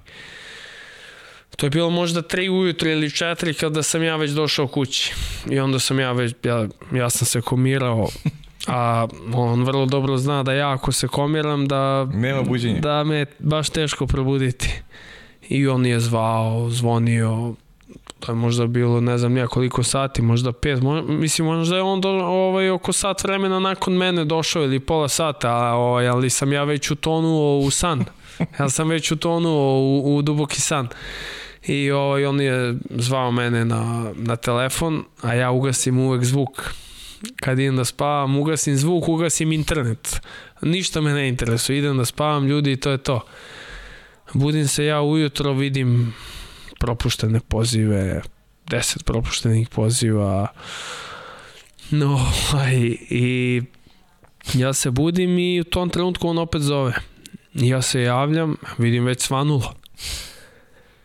I ja kao, i desi? I on "E, kaže, ti si debil, ti si o, kako si mogao, kako si mogao to da mi uradiš, kaže, prespavao sam na, na ja, i mene u tom trenutku uhvatila panika i i bilo mi je vrlo, vrlo neprijatno, jer to je bila zima, bila je zima, nije bilo leto, e, ok, zima u Barceloni nije, nije ovaj tako strašna, Nije ali, ali, 15, ali ali, ali opet tokom noći duva vetar i to je opet neka temperatura od 2-3 stepena, što svakako nije ni malo prijatno da se prespava na klupici Jeste. ispred ovaj stana. I on je i, i on je naravno i napokon sam izvadio taj ključ iz brave i, i on je zapravo ušao u kuću onako smrznut. To sam zapamtio onako baš baš mu bilo hladno. I ja ovaj zapravo sam bio bez teksta. Rekao sam mu izvini izvini prosto nemam šta da ti kažem. Moja je greška, jedan kroz jedan, I on, i on nije, nije ovaj, opšte komentarisao, nije on ulazi u, ni u kakvu raspravu, svađu i to, samo rekao, ma u redu je. Zaključio se u sobu, pokrio se pokrivačima i, le, i, ovaj, Odspao. i odspava, da, i odspava. Evo, Eto, to je priča. to je Barceloneta, dakle Barceloneta i onda ide, ide Viktore prvo vaše razdvajanje u stvari. Ti, Da. ti odlaziš 2017. godine e, ideš u Dubrovački jug, Da. poziv Jeka Kobešćaka i poziv Jeka Kobešćaka ovaj, za- završila se Barceloneta i bile su pripreme reprezentacije za svetsko prvenstvo u Budimpešti. Uh moje, moje prvo veliko takmičenje. Uh e, i sećam se da je to bio jedan period kada je bilo generalno što se tiče klubova tih nekih prelazaka i to nije nije ovaj bilo lako da se nađe klub Mhm. pogotovo za mene desnoruk na nezgodna strana. zapravo nezgodnoj strani stranac. Nije nije ovaj baš lako. I tad su zapravo su bile neke opcije da se vratim u zvezdu da budem kapiten Crvene zvezde da se vratim, ali meni to u tom trenutku nije mi shvatao sam da ovaj, ako to napravim da nekako idem korak unazad i prosto ne znam ni ja iz čega i kako. Ja sam vi, sledio je poziv od juga od Vjekoslava Kobešćaka ovaj, zvao me da sam ja već bio u situaciji da ono, bukvalno u startu prihvatim tako je kako je i ovaj ali ali pored toga meni je bila izuzetno čast da me da me zove jedan jug u ovaj klub da igram za njih ali, ovaj, ali ono što on meni rekao vidi te zovem ali ćeš igrati levu stranu zgodnu stranu. Više zgodnu stranu nego desnu. ne- mhm. Što je moj zapravo prvi susret sa zgodnom stranom jer ja Ono nikada tvoj pre brat karijeru. da. nikada pre ni, ni, ovaj, Mhm. nisam igrao zgodnu stranu ja sam rekao može ma nikakav problem nije e, nikakav problem nije idem i i ovaj dogovorili smo se lako stupio sam u kontakt sa ovaj osnovnim članovima kluba i tako sam ja završio jugu Mhm. na zgodnoj strani Na zgodnoj strani si završio Jugu kod Vjeko Bješćaka u jednom sjajnom timu. Ti si za tih godinu dana osvojio tri trofeja. Bili ste Da. i prvaci Hrvatske, uzeli ste kup Hrvatske, uzeli ste i Jadransku ligu. Da. Dakle, jedna sjajna, sjajna sezona za tebe, pa eto, ajde pričaj malo o toj ekipi, to iznutra, to druženje. Pričali smo mi pre emisije Da, da. da su svi onako fenomenalni momci, da ste dobro prihvatili to druženje sa Marom Jokovićem koji će biti ovde i Yes. gost tamo Da, u da, januaru da, mesecu, da. pa ajde malo, malo nam ispričaš te, te neke detalje. Ovaj, e, to je to je baš jedan period karijere koji je koji je takođe obeležio ovaj mene kao igrača Uh -huh.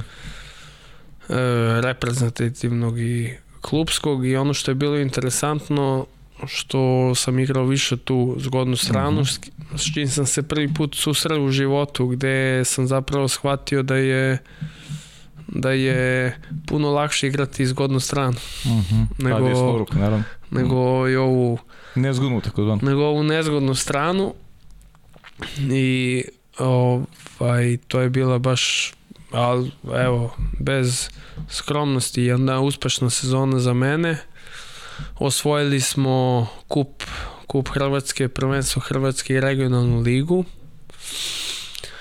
E, i da u Ligi šampiona smo ok, završili smo četvrti na kraju u Evropi, ali ono što mi ostalo je žal, ono je jedan od e, zapravo poraza koje pamtim takođe je polufinale Lige šampiona te sezone, to je 17-18 u Đenovi protiv Proreka. Mi smo igrali protiv Solnoka u četvrt finale, pobedili smo i onda smo igrali polufinale protiv Proreka.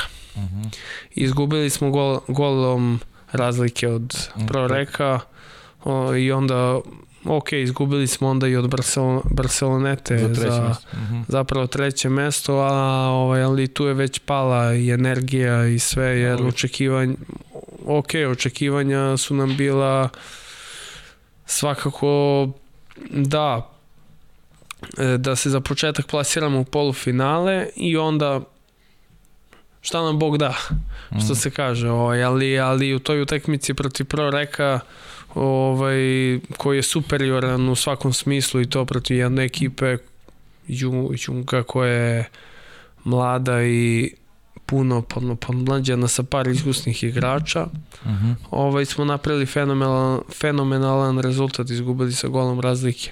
Mhm. Tada u ekipi Juga e, da kažem od ovih starijih isku- iskusnijih igrača su bili Čavi Garcia sa kojim e, e, sa kojim gajim baš jedno veliko prijateljstvo i dan danas Uh -huh.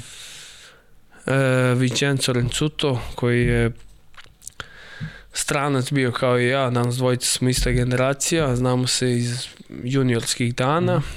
E, kao što e, sam ti rekao pre emisije, Maro Joković je, mislim, on je žive, živeo stan pored mene. Stan pored mene sa svojom porodicom, ja sam živeo sam u jednom stanu i uvek bi on mene zvao kod njih kući na neki ručak, na pasulj i to. -huh. Uko, e, za, ja, ovaj, to što se sećam za naš uskrs, ja sam bio tamo i on, i on je mene zvao kod njega kući. Uh -huh. Uh -huh. Jeli smo pasulj. Jeli smo pasulj. Tako, ovaj, tako da prosto svi ti momci iz Hrvatske, iz Juga, to su sve fenomenalni momci, zaista. Mhm. Zaista, ovaj, bez, bez ikak, ono, bez premca. To Mhm. su sve sjajni momci zapravo. Da, i Jug, sjajan klub, Jug bogate je... tradicije, regija koja živi za, za Jug i stvarno su, stvarno su onako velika novog Tako sporta. je, da. tako je i ovaj vrlo su ovaj otvoreni u svakom smislu. U svakom smislu i ono što što sam rekao moje iskustvo iz juga je čista desetka. Ovaj prosto nije bilo dana tamo u Dubrovniku da da sam se ja nešto osjećao loše u tom nekom smislu što, što, što sam ja u Hrvatskoj ili što, Da, da, što dolaziš iz Srbije, da. što dolazim iz Srbije. Mhm. Mislim da, da, da, da mi Dejan Stejović mi je rekao da sam ja prvi Srbin koji je igrao u, U jugu. u jugu, da. Mhm. Ovaj, ali stvarno nikad, nikakvih problema. Ja sam se tamo fenomenalno osjećao i u društvenom i u sportskom smislu. Mhm. Zaista baš onako fina, fina sredina za napredak, sportski napredak, Mhm. idealna. Pa i sa Vijeko, kako je bilo sa Vijekom raditi? Koliko je, koliko je on zahtevan Uf, trener? Vijeko je, Vijeko je za mene jedan od najboljih trenera stručnjaka na svetu. Mhm. Definitivno to ovaj da vam kažem jer jer, jer, jer ovaj, to imao sam iskustvo da sam više klubova promenio tako da definitivno to je trener koji, koji pred sobom ima mnogo veliku budućnost, koji je mnogo mlad i dalje, Jeste. ali koji je već sad je napravio mnogo uspeha. Ovaj, što sa juniorskom reprezentacijom Hrvatske, što sa seniorima Juga ovaj, i sjajan pedagog, sjajan pedagog. Tih e, tu sezonu 2017. 18. sam puno ovaj, od njega Mhm. naučio i pokupio ovaj, i ovom prilikom mu dajem zahvalnost na ovaj, tome jer, e, jer za mene zapravo lično taj klub mi je, mi je dao plus dodatnu Mhm. to Dodatnu neku afirmaciju Mhm. i vrednost i Mhm. ono što, što je meni bilo interesantno što sam rekao što sam igrao tu četvorku peticu Mhm. zgodnu ovaj stranu koja mi je zapravo i, i, i otvorila plus još neke mogu, da upoznam sebe Mhm, Da, jasno. u ovaj još ovaj nekim e, stvarima, nekim segmentima tokom igre, jer naravno kao što znaju svi moja strana je više defanzivna nego, nego, nego, ovaj, nego što je ofanzivna. Mhm, mhm. Ovaj, ta Da, u stvari... u Jedinica stvari dvojka, ta, Straja, ovaj- straja ko igra u stvari. da, pa da. Straju. Stranu, E, da. ovaj, ali, ovaj, ali ono što je interesantno što ovaj, zapravo tad u jugu kad sam igrao i četvorku, Mhm. peticu i zgodnu stranu ovaj, bio čak i jedan trenutak kada sam bio i najbolji strelac regionalne lige Je tako? u jednom trenutku, da. Sjajno. Da, e, mislim, eto, to je ovaj, zanimljivost, eto. Da, baš jeste, da. Po, pokazao si da možda budeš traja u stvari. Pa da, e, straja sa nekog Ali ek, ekspresa. Da. Slabija verzija straja. Slabija da, verzija slabija verzija definitivno. Straja je Straja je straja. premca. dobro. Da, Straja je da, straja. Da. Ali dobro, ta epizoda u Jugu stvarno lepa priča i hvala ti što si, što si je podelio sa nama i da malo približimo o, o- eto, ove ljudima i vezano i za veličinu kluba i za to gostoprinstvo o kome si pričao. E, posle godinu dana ti seliš u Solmok. da. Žile Gocić e, kao, kao trener, Žile koji je osvojio sa Solnokom i titulu prvaka Evrope kao igrač, postaje kasnije trener Žile koji je legenda u Mađarskoj, koji ima onako ima privilegije e, samo jedini ne Mađar koji ima takvu vrstu privilegije koji ima u posljednjih pa ne znam 30 godina sigurno dolaziš u Solno gde igraš opet sa igračima svojih prostora, menjaš sredinu, drugačiji je sigurno ambijent životni. Da.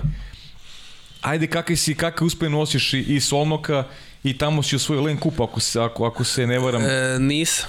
Nisam osvojio Ne, a? Len Kup. e, Len Kup su oni osvojili sad ove sezone. Sad su osvojili, tako je, da. Sad ove sezone, a to je, to je sezona kad sam igrao Kad sad u Francuskoj. tako je u stiglo u Noizile Seku, da. Okej. E, mislim, evo, čisto da e, ovaj, znači ja sam igrao u Solnoku sezona 18. 19. 19. 20. Mhm. Dve sezone. E, zvao me Žile direktno na ovaj telefon, Žile kog, kog ovaj, sam već dobro već tad poznavao iz igračkih dana kad je on meni bio saigrač kad, ovaj, u reprezentaciji kada sam ja bio na širem spisku. Pa evo i nasledio, kažem, nasledio si tu trojku. I nasledio sam i ovu njegovu kapicu vrlo brzo nakon Rija, što mi je naravno i, i uh, baš bila i ovaj čast da baš nakon njega ja ovaj zauzmem tu kapicu i to. I onda Žile me zvao, to je bio možda april mesec tekuće sezone još u jugu. E, I on me zvao za narednu sezonu e, gde sam ja bio u velikoj dilemi da li da napuštam jug ili da idem u Solnog, jer u, kao što sam rekao u jugu mi je bilo fenomenalno, a s druge strane imam Solnog koji opet daje vrhunsku ekipu, vrhunski klub koji je već stekao i neko ime i renome i Žile je trener. Uh -huh što je za mene bilo baš veliki poziv e, i tu je Prle I, igra Prle Milan Aleksić Đorđe Lazić je došao Gabor Kiš uh -huh. Zalanki, Batori Bence još nekolicina uh -huh. mađarskih igrača vrhunskih e, što je svakako za mene bilo baš veliki sportski izazov da mhm. prihvatim, a i onaj trenutak sam imao u samom sebi, aj, ovaj, ako bih otišao u Solnog, bio, bi, bio bih bliže kući. Jer to je to je zapravo 3,5 sata kolima lagane vožnje, Ovaj, ali ako se voziš u kolima sa Rašom Drašovićem, to je dva i po sata. Što tako? Dva i po sata, to je to je isključivo ako se voziš sa njim u, ovaj, u, u kolima, da. Sporo vozi ili? Pa da, baš onako sporije baš sporije vozi, da, ono, Dobro. držiš se za, o, e, za ručke sve vreme. ne. O, kakav šlag Martijan za temu kad bude bio, kad bude bio gost u podcastu. Da, da, da, da, Dobro. da. Ispričat će vam on ovaj, baš jednu uh mhm. -huh. scenu. Ovaj, e, i, i na kraju šta ću, gde ću, Final 8, tada mi ovaj, dobijemo Solnog u četvrtfinalu, ali sam ja već pre Final 8 odlučio idem u Solnog i rekao sam... Aha, već je tada, da, dogovori se za, da, da, da, da, i ovaj, rekao sam već i ljudima u klubu u Dubrovniku uh mhm. -huh. i Vijeku da idem sigurno, naravno iz Dubrovnika se nije niko ljutio, svi su to sportski prihvatili i razumeli. Uh. -huh i zapravo nakon te utakmice sam, sam se nakon tog finala sam se i video zapravo sa svim članicima kluba iz Solnoka i dogovorili smo se oko svega i, i onda sam otišao u Solnok. E, zapravo te dve sezone prva sezona za mene je nju ovaj baš onako pamtim jer kao što sam mi rekao, to je bila, to je bila baš jedna vrhunska ekipa, Žile trener, tu je Prle, Mića, Mića ovaj, Đole Lazić, mlad talentovan centar uh mhm. -huh. koji je sad olimpijski šampion. Tako je. Zvali su i mene i ovi Mađari, ovi vrhunski igrači. E, doduše te e, sezone je Ferenc Varoš bio bez konkurencije, bez premca. Da, oni su uzeli igrači. I... Osvojili su sve i pokupili su... Za, su... Pa i Vamoš je vajde došao. Da, da, sve, da, Solnoka. i ovaj Solnoka i on otišao u Ferenc uh mhm. -huh. Varoš. Tako da, mislim, oni su bili van, van konkurencije, uh mhm. -huh. definitivno. O, ali ono što mi je e, što mi nekako krivo iz te sezone što se nismo plasirali na Final 8 nažalost jer jer imali smo stvarno fenomenalnu ekipu ali spletom okolnosti smo mi bili u onoj grupi koja e, u kojoj je bio Hanover koji je bio direktan učesnik Aha. Final 8 e, i onda smo mi završili kao četvrti to smo igrali protiv sport managementa za plasman uh mhm. -huh. protiv Raše protiv da, Raše. Uh mhm. -huh. protiv Raše i, i ta ovaj zapravo jedna utakmica kod nas u, u, u ovom Solnuku koja je koja je to ovaj, odlučila. Mhm. Bilo je nerešeno. -huh. da, koje je njima odgovaralo. Uh -huh. tako, tako da ovaj, smo mi ostali bez Final Eight-a, ta sezona je završila tako kako je završila, što mi je baš krivo, jer stvarno mislim da smo sa takvom ekipom smo smo bili za Final Four ovaj, li, Lige šampiona. Jasno. Ali, ali to, je, to je sve sport. To je sport. Kao i mi u kupu. Uh Mhm, -huh, ovaj, ponekad ako si bolji pa izgubiš utakmicu. To pa je, dobro, na jednu utakmicu. To je lepota naš, sporta. Pa, pa to tako je, Zamisli kad, kad bi mogli u sportu predvidimo tako je, tako je. To je, to je lepota sporta kao i tada, kao i sada u kupu. Ovaj, e, to i onda je ovaj, zapravo usledila ova druga sezona mm -hmm. koja ima veze, mnogo veze sa koronom, što otprilike tada ovaj, mm -hmm. tam, o, to, je, to je tada i započelo. Stigli su Solnog Raša Drašović, Gaja Subotić i Dule. I Dule Petljević, da. Prle i Čomi su napustili i, I još Prle i Milan Aleksić su napustili. Uh -huh. e, pa došao i Fić? E, sezonu posle, posle je došao Fića. Došao, da, aha, da, da. ti otišao, aha. Tako je, tako je. Uh -huh. Sezonu posle došao Fića i tu je bilo nas petorica uh -huh. ovaj, u Solnoku i, on, i ono što zapravo pamtim iz tog perioda to je da smo se nas petorica toliko lepo družili u tom jednom malom mestu uh -huh. e, da ne kažem selu ovaj, pa, kaži tako smo se lepo tamo družili da, da je zapravo to i nekako pomoglo da, da se svi lepše osjećamo, jer solno kao solno, kao, ovaj, ako nemaš vaterpolo tamo, u suštini to je, to je jedno baš malo mesto. Da. Baš malo mesto si, koje je da. ukupno, bio si, da. Mm. Koje je zapravo broju u samom gradu, možda je 20.000, 30.000 stanovnika u, u samom gradu uh -huh. koji ti ne ovaj, daje puno mogućnosti u tom nekom socijalnom društvenom smislu. Uh -huh. Tako da tako da smo se nas petorica te, te sezone vrlo lepo družili i ujedinili.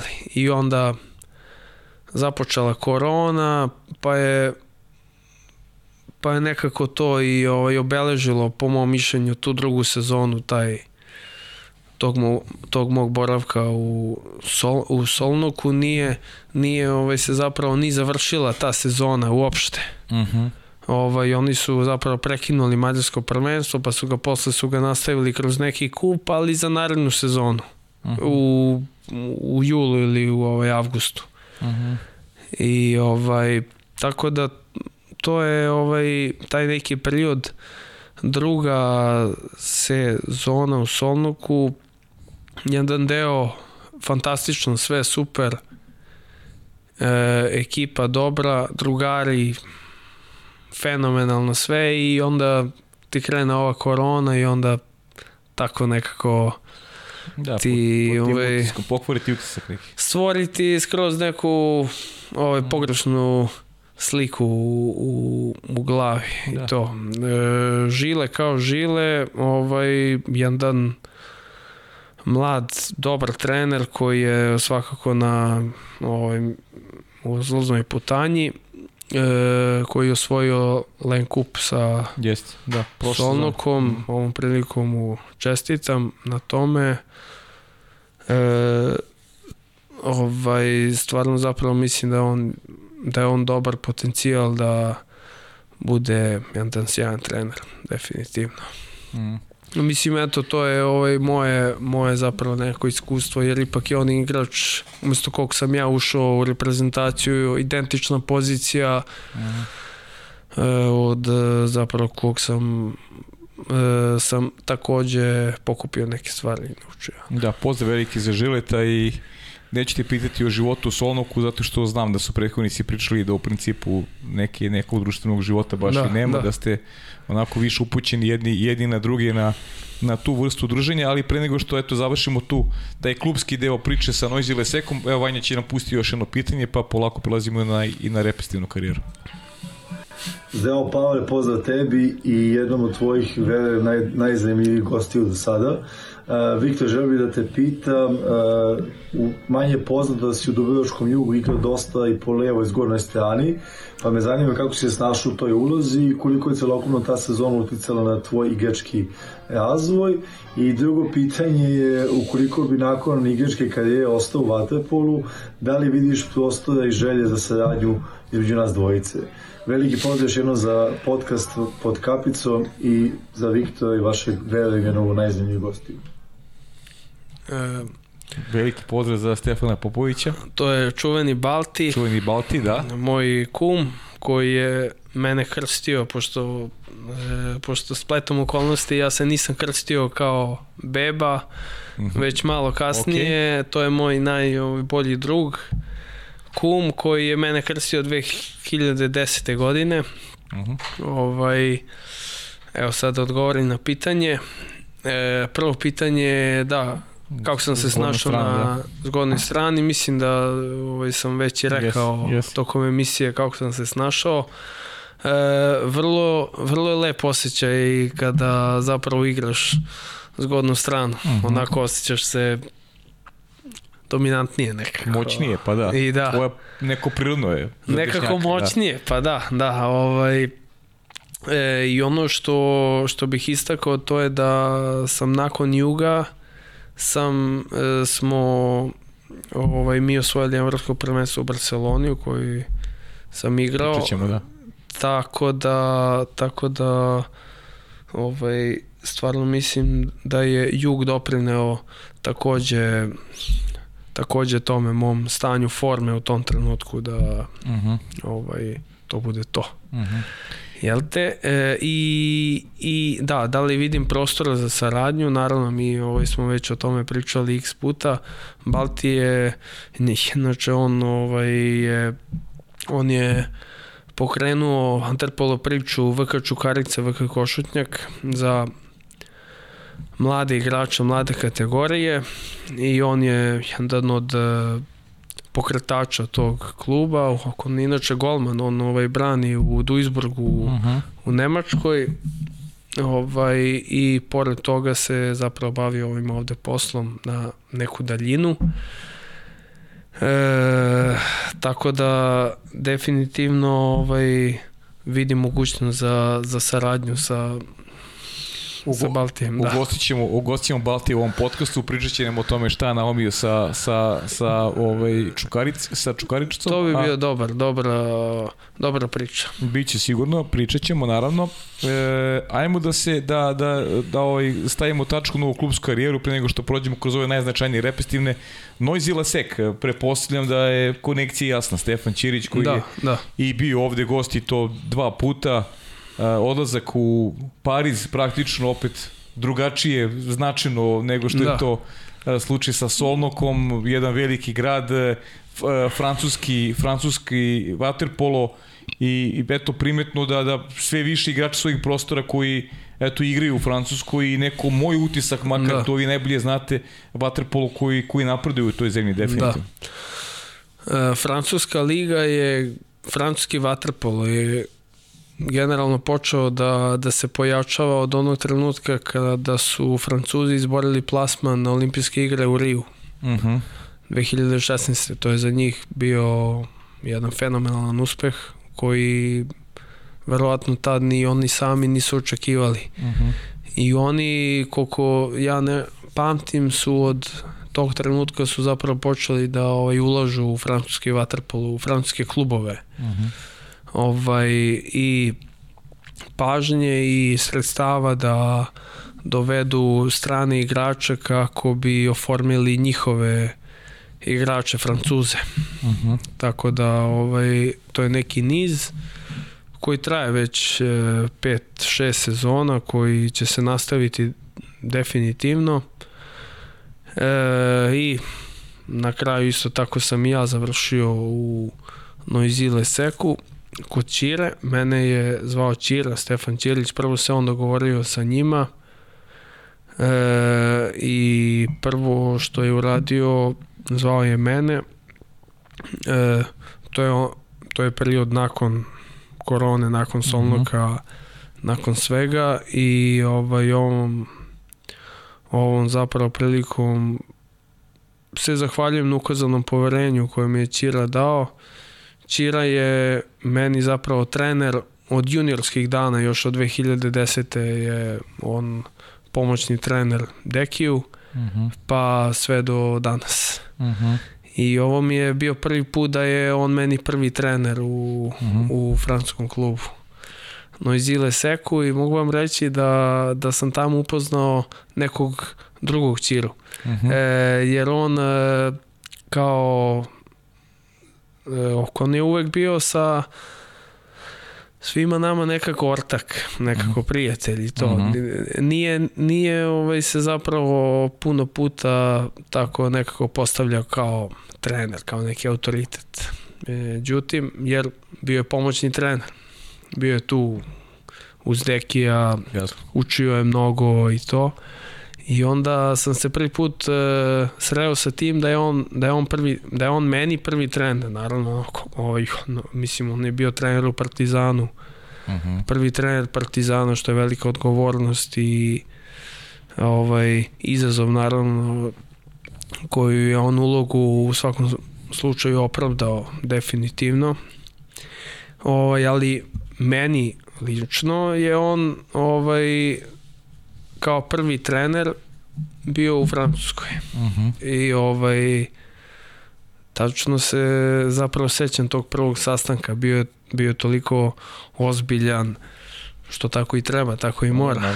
Ovaj, da sam ja bio u fazonu ovo Čira ili neko drugi prosto, ko je ovo? Da nije Miloš. da, da, da, nije, da nije Miloš, a, a, ovaj, ali ne, meni je tih, e, ta sezona u Francuskoj puno donela na jer e, taj period nakon, nakon korone i svega ja sam bio realno u nekom padu forme -huh. bez, bez i malo laganja ovaj, bio sam u nekom padu forme i onda e, sam birao e, sam birao između Zvezde i Noizile Seka. Uh -huh. Birao sam između ta dva.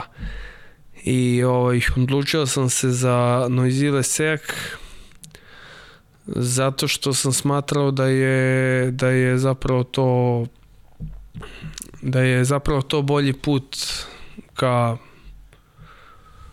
reprezentaciji vrhunskom vaterpolu u tom trenutku. Uh mhm. -huh. I stvarno ovaj nisam se pokajao, nisam se pokajao jer, jer stvarno ta saradnja sa Čirom mi je puno značila u mojoj karijeri. Uh mhm. -huh. Kaži, kaži mi kakav je, kakav je Pariz, kakav je Pariz, kakva je Francuska liga, šta je nešto će ti ostati onako kao neka uspomena ovaj, vezano za, za, za taj period? Si išao neki drugi sportovi, si gledao možda futbal, PSG i si gledao ragbi možda ono što je... E, evo ovako, e, da odgovorim na posljednje pitanje i e, inšao sam bio da pogledam e, ovaj futbalsku utakmicu Paris Saint-Germain protiv Lila.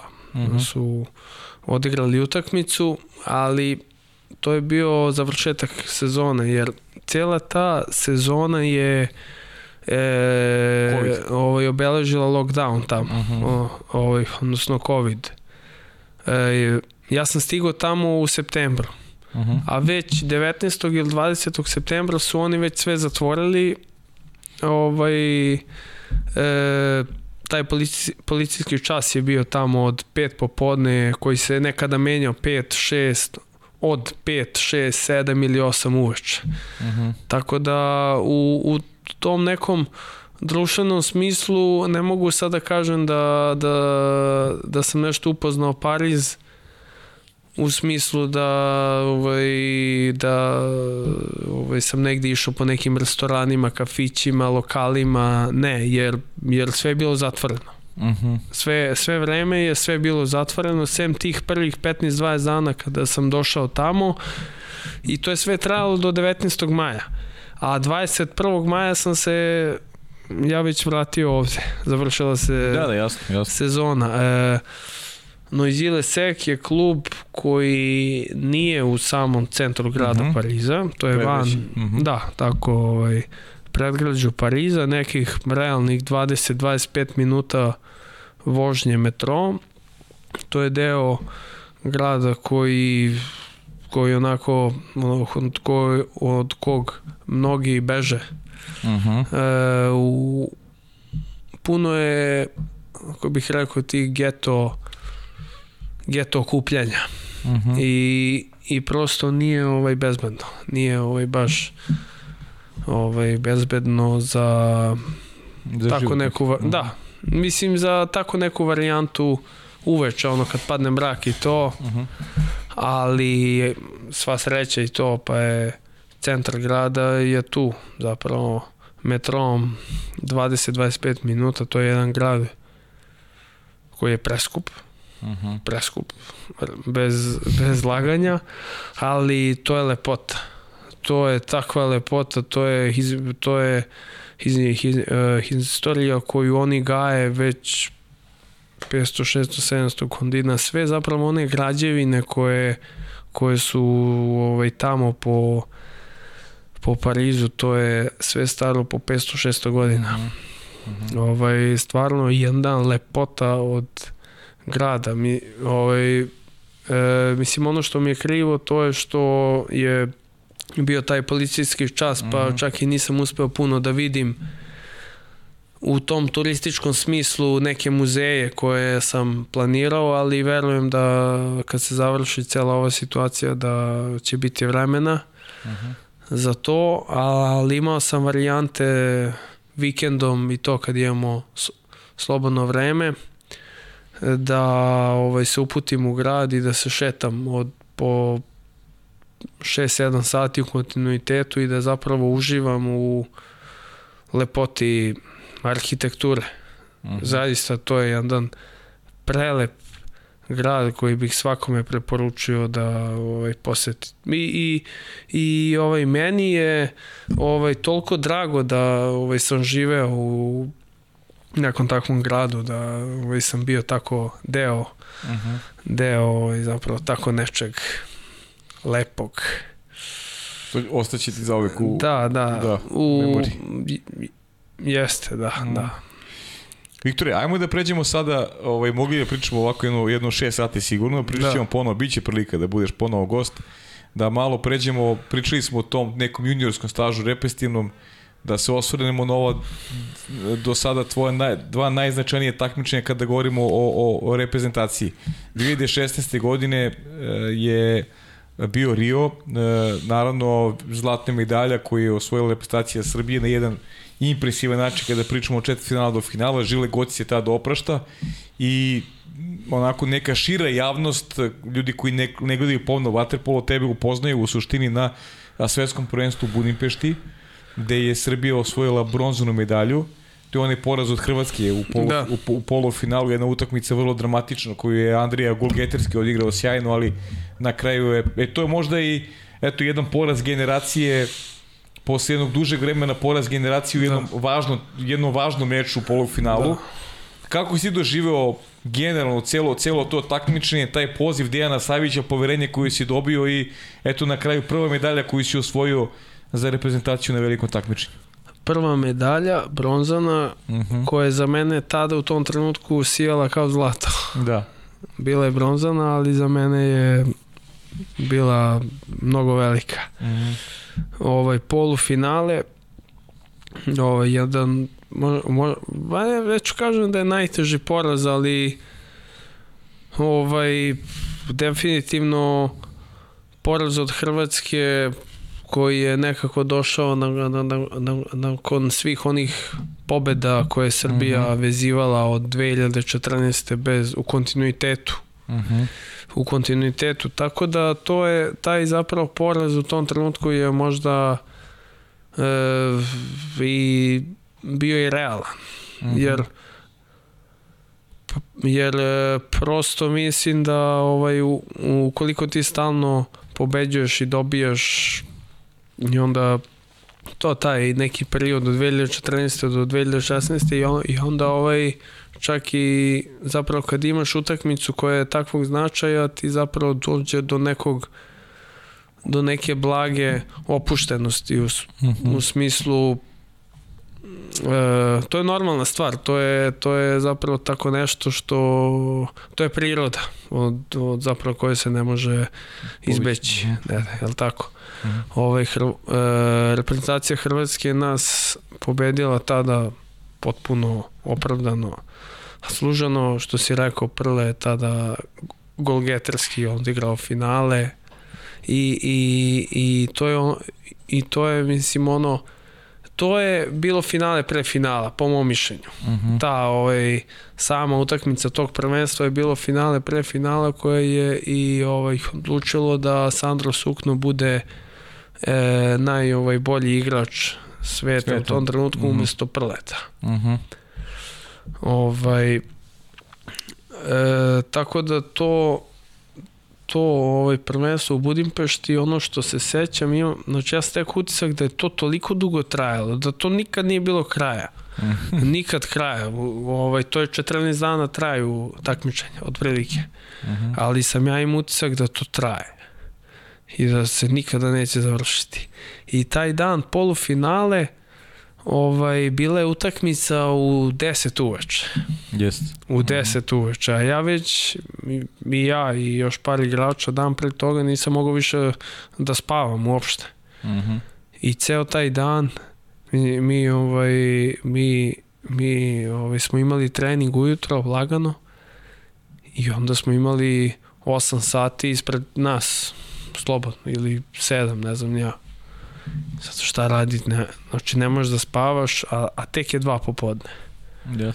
I čekaš tu utakmicu, iščekuješ, iščekuješ, tako da tako da mislim da, da taj zapravo poraz ima stvari u tome što je ta utakmica bila toliko kasno pa malo izgoriš u želji iščekuješ toliko utakmicu i onda ovaj tako nekako krene utakmica loše pa malo bude dobro, pa onda opet loše i na samom kraju su utakmica okrenula u njihovu korist. Uh -huh, uh -huh. Tako su oni završili u finalu, mi ovaj smo odigrali meč proti Grčke za bronzu koju, koju smo pobedili koliko se sećam bez nekih većih problema ali kao što sam rekao meni je ta bronzana medalja mnogo značila na mom individualnom ličnom planu. Prva je.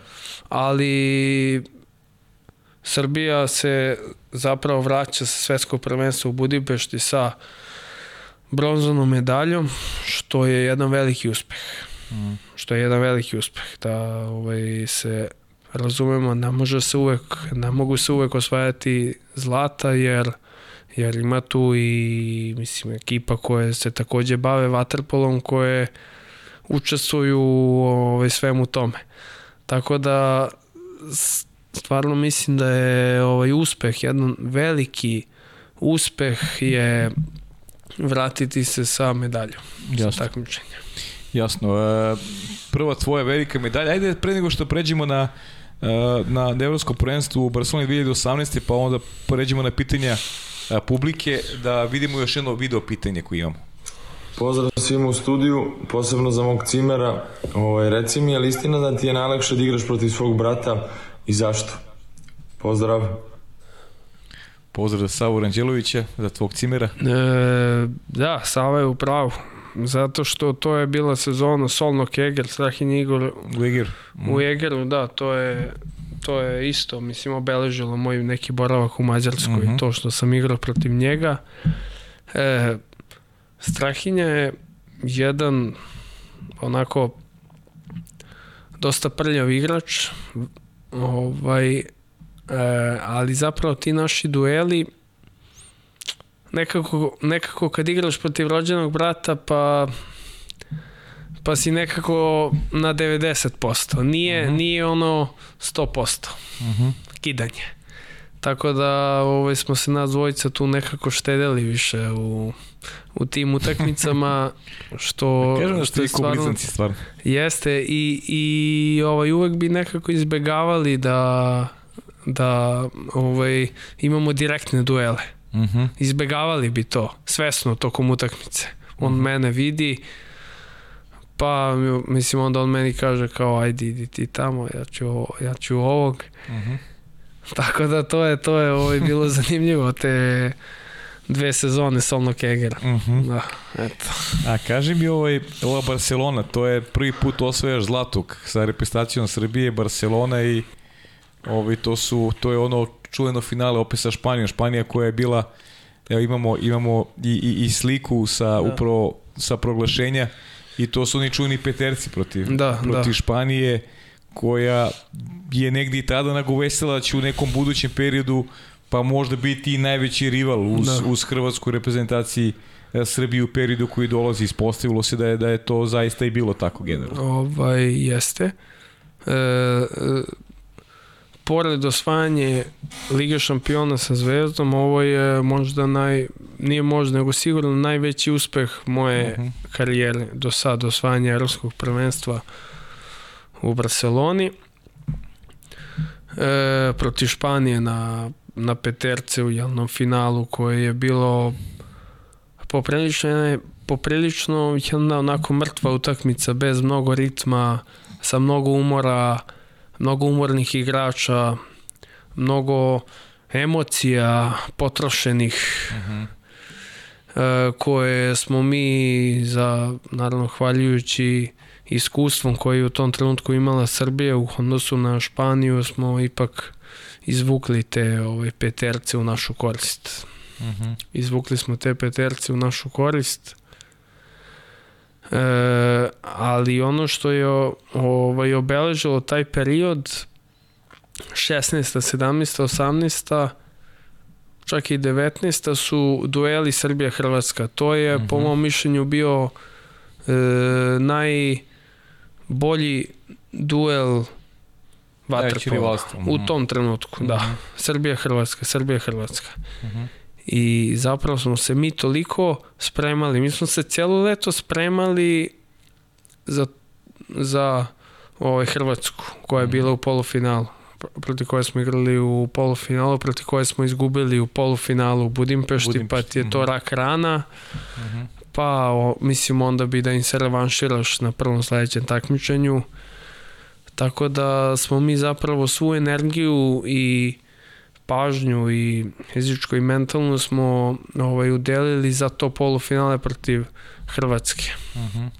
o, mi ovaj, smo o, smo, po, smo pobedili reprezentaciju Hrvatske i u tom trenutku sam ja stekao utisak da je da je zapravo stiglo do nekog opuštanja uh mhm. -huh. u smislu mentalnog opuštanja uh mhm. -huh. ono kao napokon. Pa da sve je posle Rija uspeli smo mhm. da uspeli smo. I onda smo zapravo svi bili u finalu.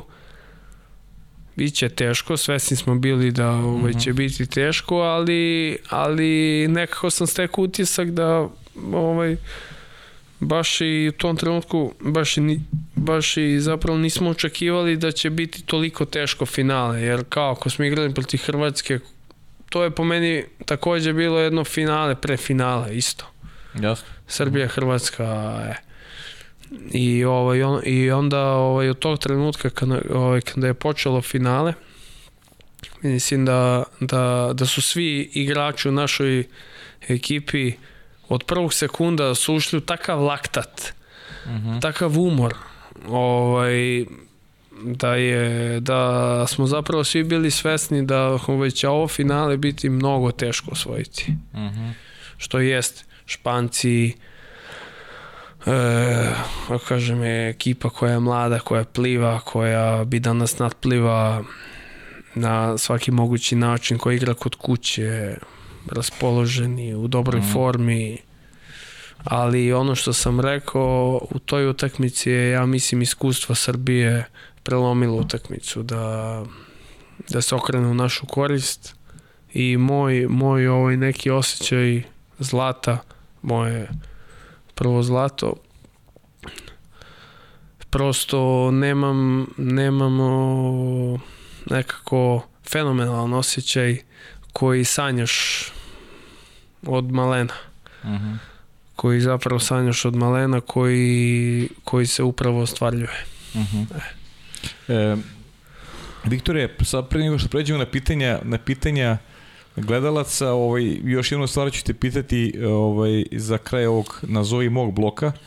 E, ti si sada na spisku Dejana Savića, vi u 3. januara već imate imate pripreme zajednički sa Hrvatskom, e, počinju pripremu neku ruku za Evropsko svetsko prvenstvo koje je na rasporu 2022. godine, ali verujem da i tebi neki onako prioritetni cilj u karijeri generalno osvojio si medalju sa svetskog prvenstva, sa evropskog prvenstva, verujem da imaš onako jasan pogled ka Parizu da bi siguran sam volao da budeš da, da odigraš i svoje prve olimpijske igre. E, da, ovaj moj jedini cilj e, je Paris. Mm. Paris ovaj 2024. to mi je jedini cilj ovo ovaj deo što sam što što se nisam našao u olimpijskom timu Tokiju je meni lično bio jedan takav šamar mm -hmm. o, i alarm u mojoj glavi tako da ja ta, tako da da ja zapravo sada vidim samo jedan cilj ispred sebe, a to su olimpijske igre u, u Parizu. Sjajno. I mm -hmm. Tu zapravo dajem dajem ovaj, celog sebe.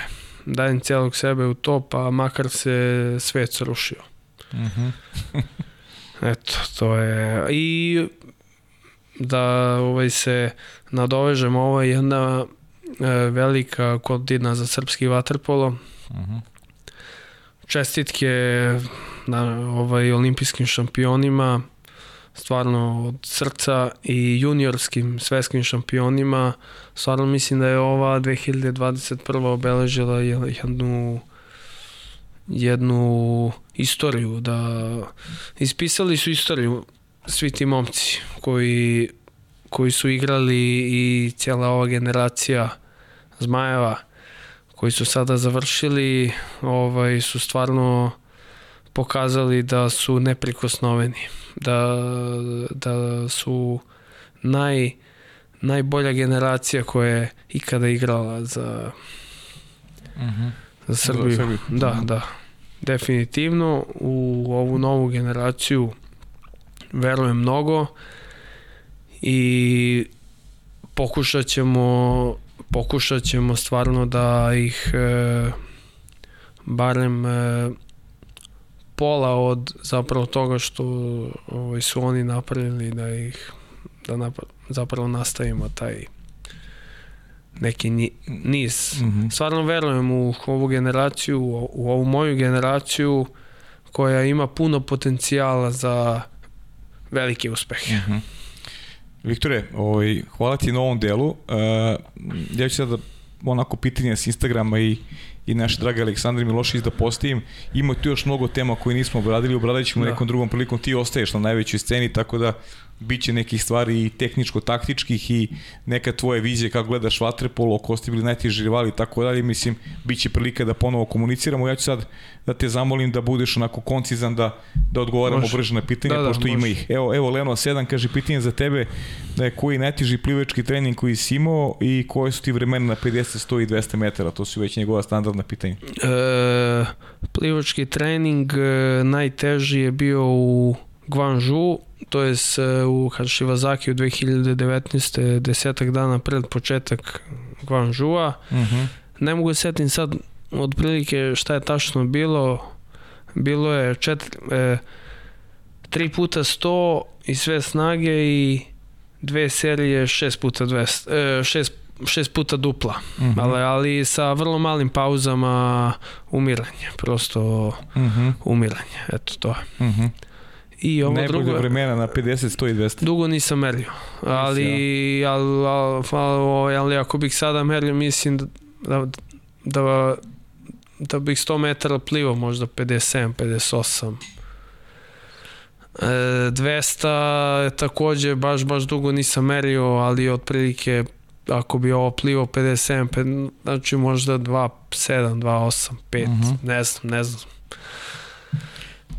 Mateja Šimunović. Aha, pozdrav za veliki sestra pozdrav Šimunović. Veliki pozdrav, kaže bratu. Imam, kaže, pitanje kako mu je bilo otići nakon godina dana iz juga i kako mu je bilo u Dubrovniku. Manje e, smo pričali, ajde. Da, manje više smo pričali o tome, rekao sam stvarno jugu u meni gaji, Dubrovnik kao grad gaji u meni jedne baš velike uspomene i mislim emocije u svakom smislu i svakako čuvam to u memoriji, uh mhm. -huh. srcu.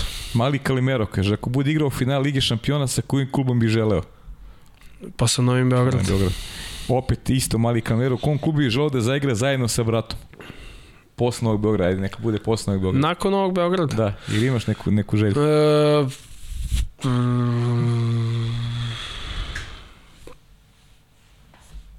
pa voleo bih, otko znam, voleo bih i da zaigramo za Barcelonu, CN, CNB, CNB, Barcelona. Barcelona, dobro. Znači ne Barceloneta, nego Barcelona. Barcelona. Eto. Neki Streone 2, ne znam ko je taj. E, ne znam. Da li je to e, najjači i tenersko-igrački tandem koji je viđen u francuskom vaterpolu? A dobro, on sad, on sad aludira na, na, na, na Stefana, na da. Stefana i na da. Dimitrij Stičević. Pitanje za Viktor, još jedno Dimitrijev. Da li se seća vožnje puntom na koncert Zdravka Čolića na Ušću?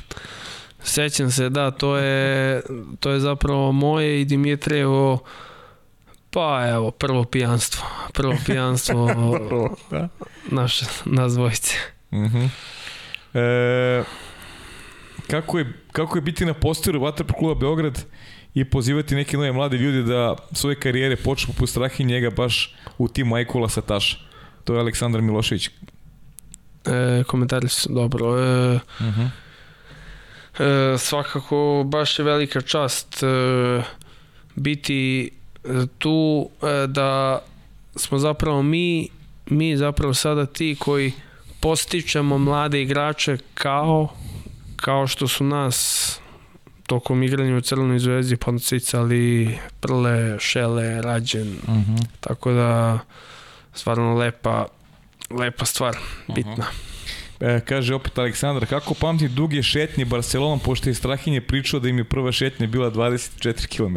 E, to je 24 km bilo u jednom danu, da. Uh mhm. -huh. Strahinje i ja smo taj vikend prepešačili, prepešačili celu Barcelonu sa bilo je bilo je izuzetno lepo, a izuzetno i naporno.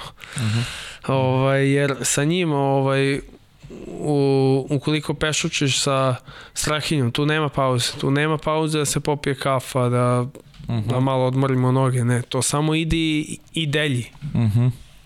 Bez stajanja. Bez stajanja. Da. Kaže, s obzirom da mu je Messi omiljeni futbaler, kako je bilo videti ga uživo na novu kampu i da li i dalje Llorente izbacuje kad igra s oni zato što je spor?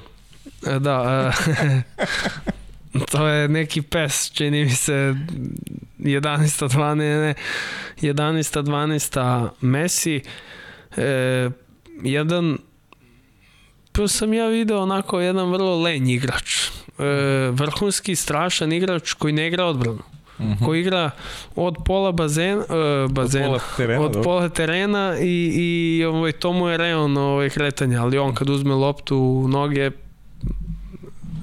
ne znam, za, ovaj, me, za mene je on ovaj, kako, uh, kako zove broj 1 uh -huh. ikada. Uh -huh. Koji je ikada igrao futbol. Okay. A Llorente izbacuješ iz... Izbacujem ga, da. da e, spori, da. No, da. Kaže, da li, da li ima akvarijum sa ribicama i kada bi imao zlatnu ribicu, šta bi od nje poželao? E, nemam više taj akvarijum jer uginule su mi ribice uh mhm. -huh. e, zato što zato što sam ih zapustio. Uh mhm. -huh. Moja greška. E, koje drugo pitanje? E, kad bi imao zlatnu ribicu, šta bi nje poželeo? E, poželeo bih e, ako bih imao zlatnu ribicu, poželeo bih da osvojim zlatnu olimpijsku medalju, eto. Ali verujem da, ovaj, da, da ću to uspeti bez zlatne ribice. Ok, dobro. Znači, dobro, znači ti i brat zajedno po Da mi ne treba zlatna ribica da. za to. da li mu je kod ljudi iskrenost najvažnije ili kako bi on rekao, samo me nemoj lagati? Jeste, jeste, da. E, vrlo sam lagan tip, vrlo sam lagan tip i kod mene za sve se možemo dogovoriti, staložen sam, dogovorit ćemo se za sve, ali vrlo bitna po, e, da se zapravo počne sa iskrenošću. Uh -huh. Polazna tačka je iskrenost, tako, eto. Uh -huh. Kaže, voli da čita, pa šta je ono što je posljednje čitao ili šta je ostalo utis na njega, pa bi nam preporučio da pročitam? E, da, e, čitao sam knjigu koja se zove u, u uspeh što da ne u, ovaj to je to je baš jedna interesantna knjiga koja je po mom mišljenju vrlo onako korisna za svakog sportistu a i a i za nekog preduzetnika ko ko nije sportista naravno uh -huh. ovaj koja te koja koja ti daje ideje i energiju kako, kako da ovaj, se nosiš sa svim tim stvarima koje su oko tebe. Mm -hmm. Fenomenalna knjiga, mm -hmm. eto. E, mislim, eto, to mi je ovaj, sad u glavi, ono, da mm -hmm. kažem, poslednje. Mm -hmm. Kaže, da li mu se stvala želja da postići Central Park u Njujorku i može da objasni e, zato tačnije kakve veze ima GMU SO sa tom željom?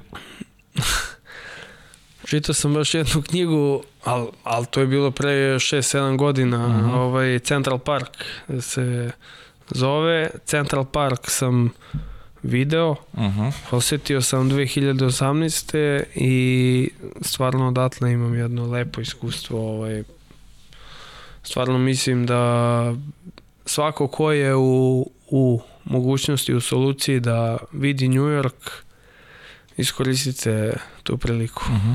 Može da objasnim šta je šerpa, tačnije kako je to igra i da li imao priliku da kaže šefiku kako su ga zvali? E, šerpa je zapravo sama igra koju smo igrali mi kao juniori i u sobama ovaj, kada uh -huh. bi ovaj, tako nešto putovali u smislu umotali bi čarapu u, u, u lopticu i onda bi sa njom šutirali na dva kreveta uh -huh. i onda i onda smo to zvali kao šefik, odnosno šerpa, jer kao ima nekog ovaj, smisla.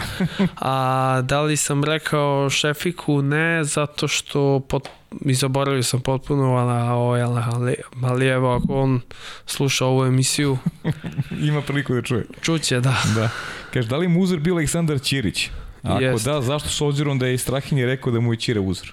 Jeste, meni je bio Aleksandar Ćirić uzor zapravo zbog zbog iste pozicije, uh -huh. zbog njegovog karaktera koji sam koliko toliko upoznao tokom ovih utakmica Zvezda Radnički e, i zbog e, agresivnosti koju je on uvek pružao svojim protivnicima uh -huh. i taj neki strah uh -huh. strah i naravno zbog e, svih, svih tih uspeha koje je on napravio ali to je, to je mislim, uloga koju on ima u reprezentaciju koju ne, koja nije toliko upadljiva za nekog mm -hmm. gledalca. Nije on nikada bio golgeter, ali, ali je bio toliko e, baš potreban igrač u reprezentaciji. Mm -hmm. Neophodan igrač bez zapravo kog nam, nam bi nije ovaj, bilo toliko uspeha i medalja. Uh mhm. -huh.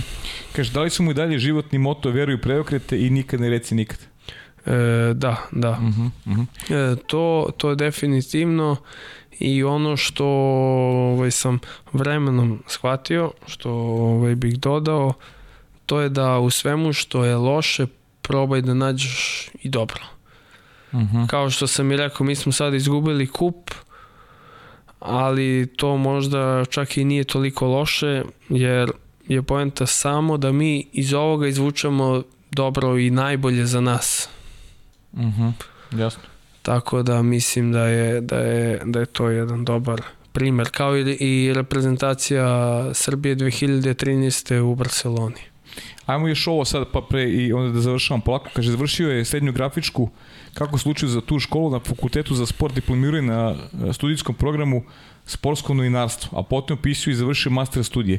Kako se odlučio za sportsko novinarstvo, s obzirom da je malo sportista kod nas koji žele da se bave time za razliku od svjetskih trendova, da je veliki sportisti postaju poznati sportski novinar? E, odlučio sam se za sportsko novinarstvo, jesam.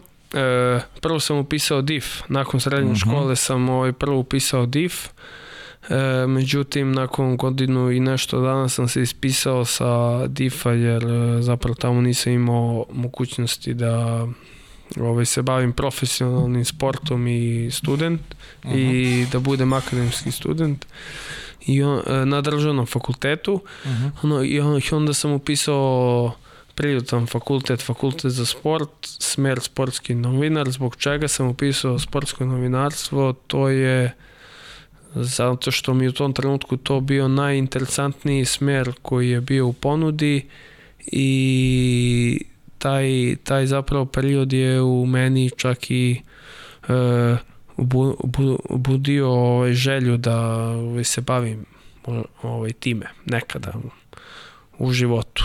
Uh -huh. Sad ne znam da li, sad iz ove perspektive prosto ne znam da li bih e, ovaj, se zapravo bavio tim poslom, ali svakako imam mogućnost ako budem želeo. E, pa spaj sada ti pitam ovako pred kraj, hoćeš e, sa mnom i sa Sarom da vodiš podcast kad završiš karijeru ili hoćeš da se baviš možda trenerskim poslom?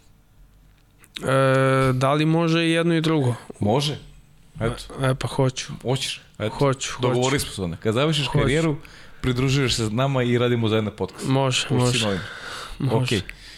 Viktore, e, za kraj ono što uvek ostavljamo Sara i ja, to je porodica. Pa eto, možeš, eto imaš priliku da kažeš, ovaj, pričali smo naravno i o Straji, da. pričali smo o, o, o vašem ocu koji vas je, koji vas je da. negde, ajde da kažem, usmerio, mada ste vi sami izabrali da. ono čime ćete se baviti, pa eto, kaži mi eto malo o, o, o porodici, ono, ono, ono što ti želiš da istakneš. E, što se porodice, porodice tiče, rekao sam manje više što se tiče sporta, to je uglavnom sve vezano za našeg oca, ali s druge strane da nije bilo naše majke, takođe ne, ne bi bilo ni nas dvojice u, uh -huh. u Waterpolu, ono, ona je uvek bila e, bila ta koja nas je čekala kod kuće. Ona se vrlo ovaj, ona, mislim, ona ako bi otišla na zapravo neku utakmicu, to, to su uglavnom bila finala samo uh -huh. ako je borba za medalju, ovaj, ali ona je uvek bila tu za nas da nas dočeka posle, posle svakog treninga, posle svake uh -huh. utakmice da nas spremi da jedemo, popijemo, razgovaramo, tako da ovaj, smo i Strahinja i ja smo vrlo, vrlo bliski, vrlo smo onako sa njom povezani i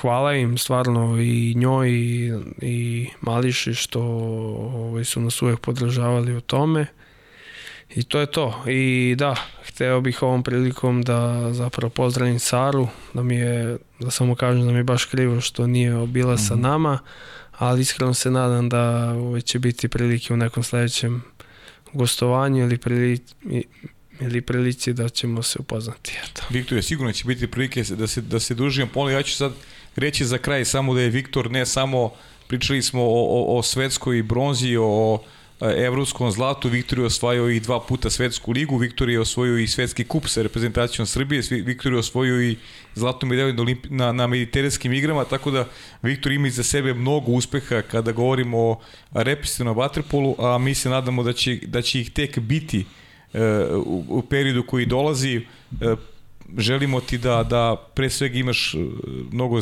da te zdravlje služi i tebi i tvoju porodicu i sve ostalo će verujem doći, doći onako samo od sebe jer a, e, prosto i negde tvoja karijera ovako to jasno sugeriše da, da, da, da je u pitanju jedan onako vrhunski igrač koji bi srpskom vaterpolu tek trebao da podari onako najlepše trenutke. Hvala vama na, ovaj, o, na lepom pozivu u emisiju. E, hvala vam na lepim željama pokušat ću...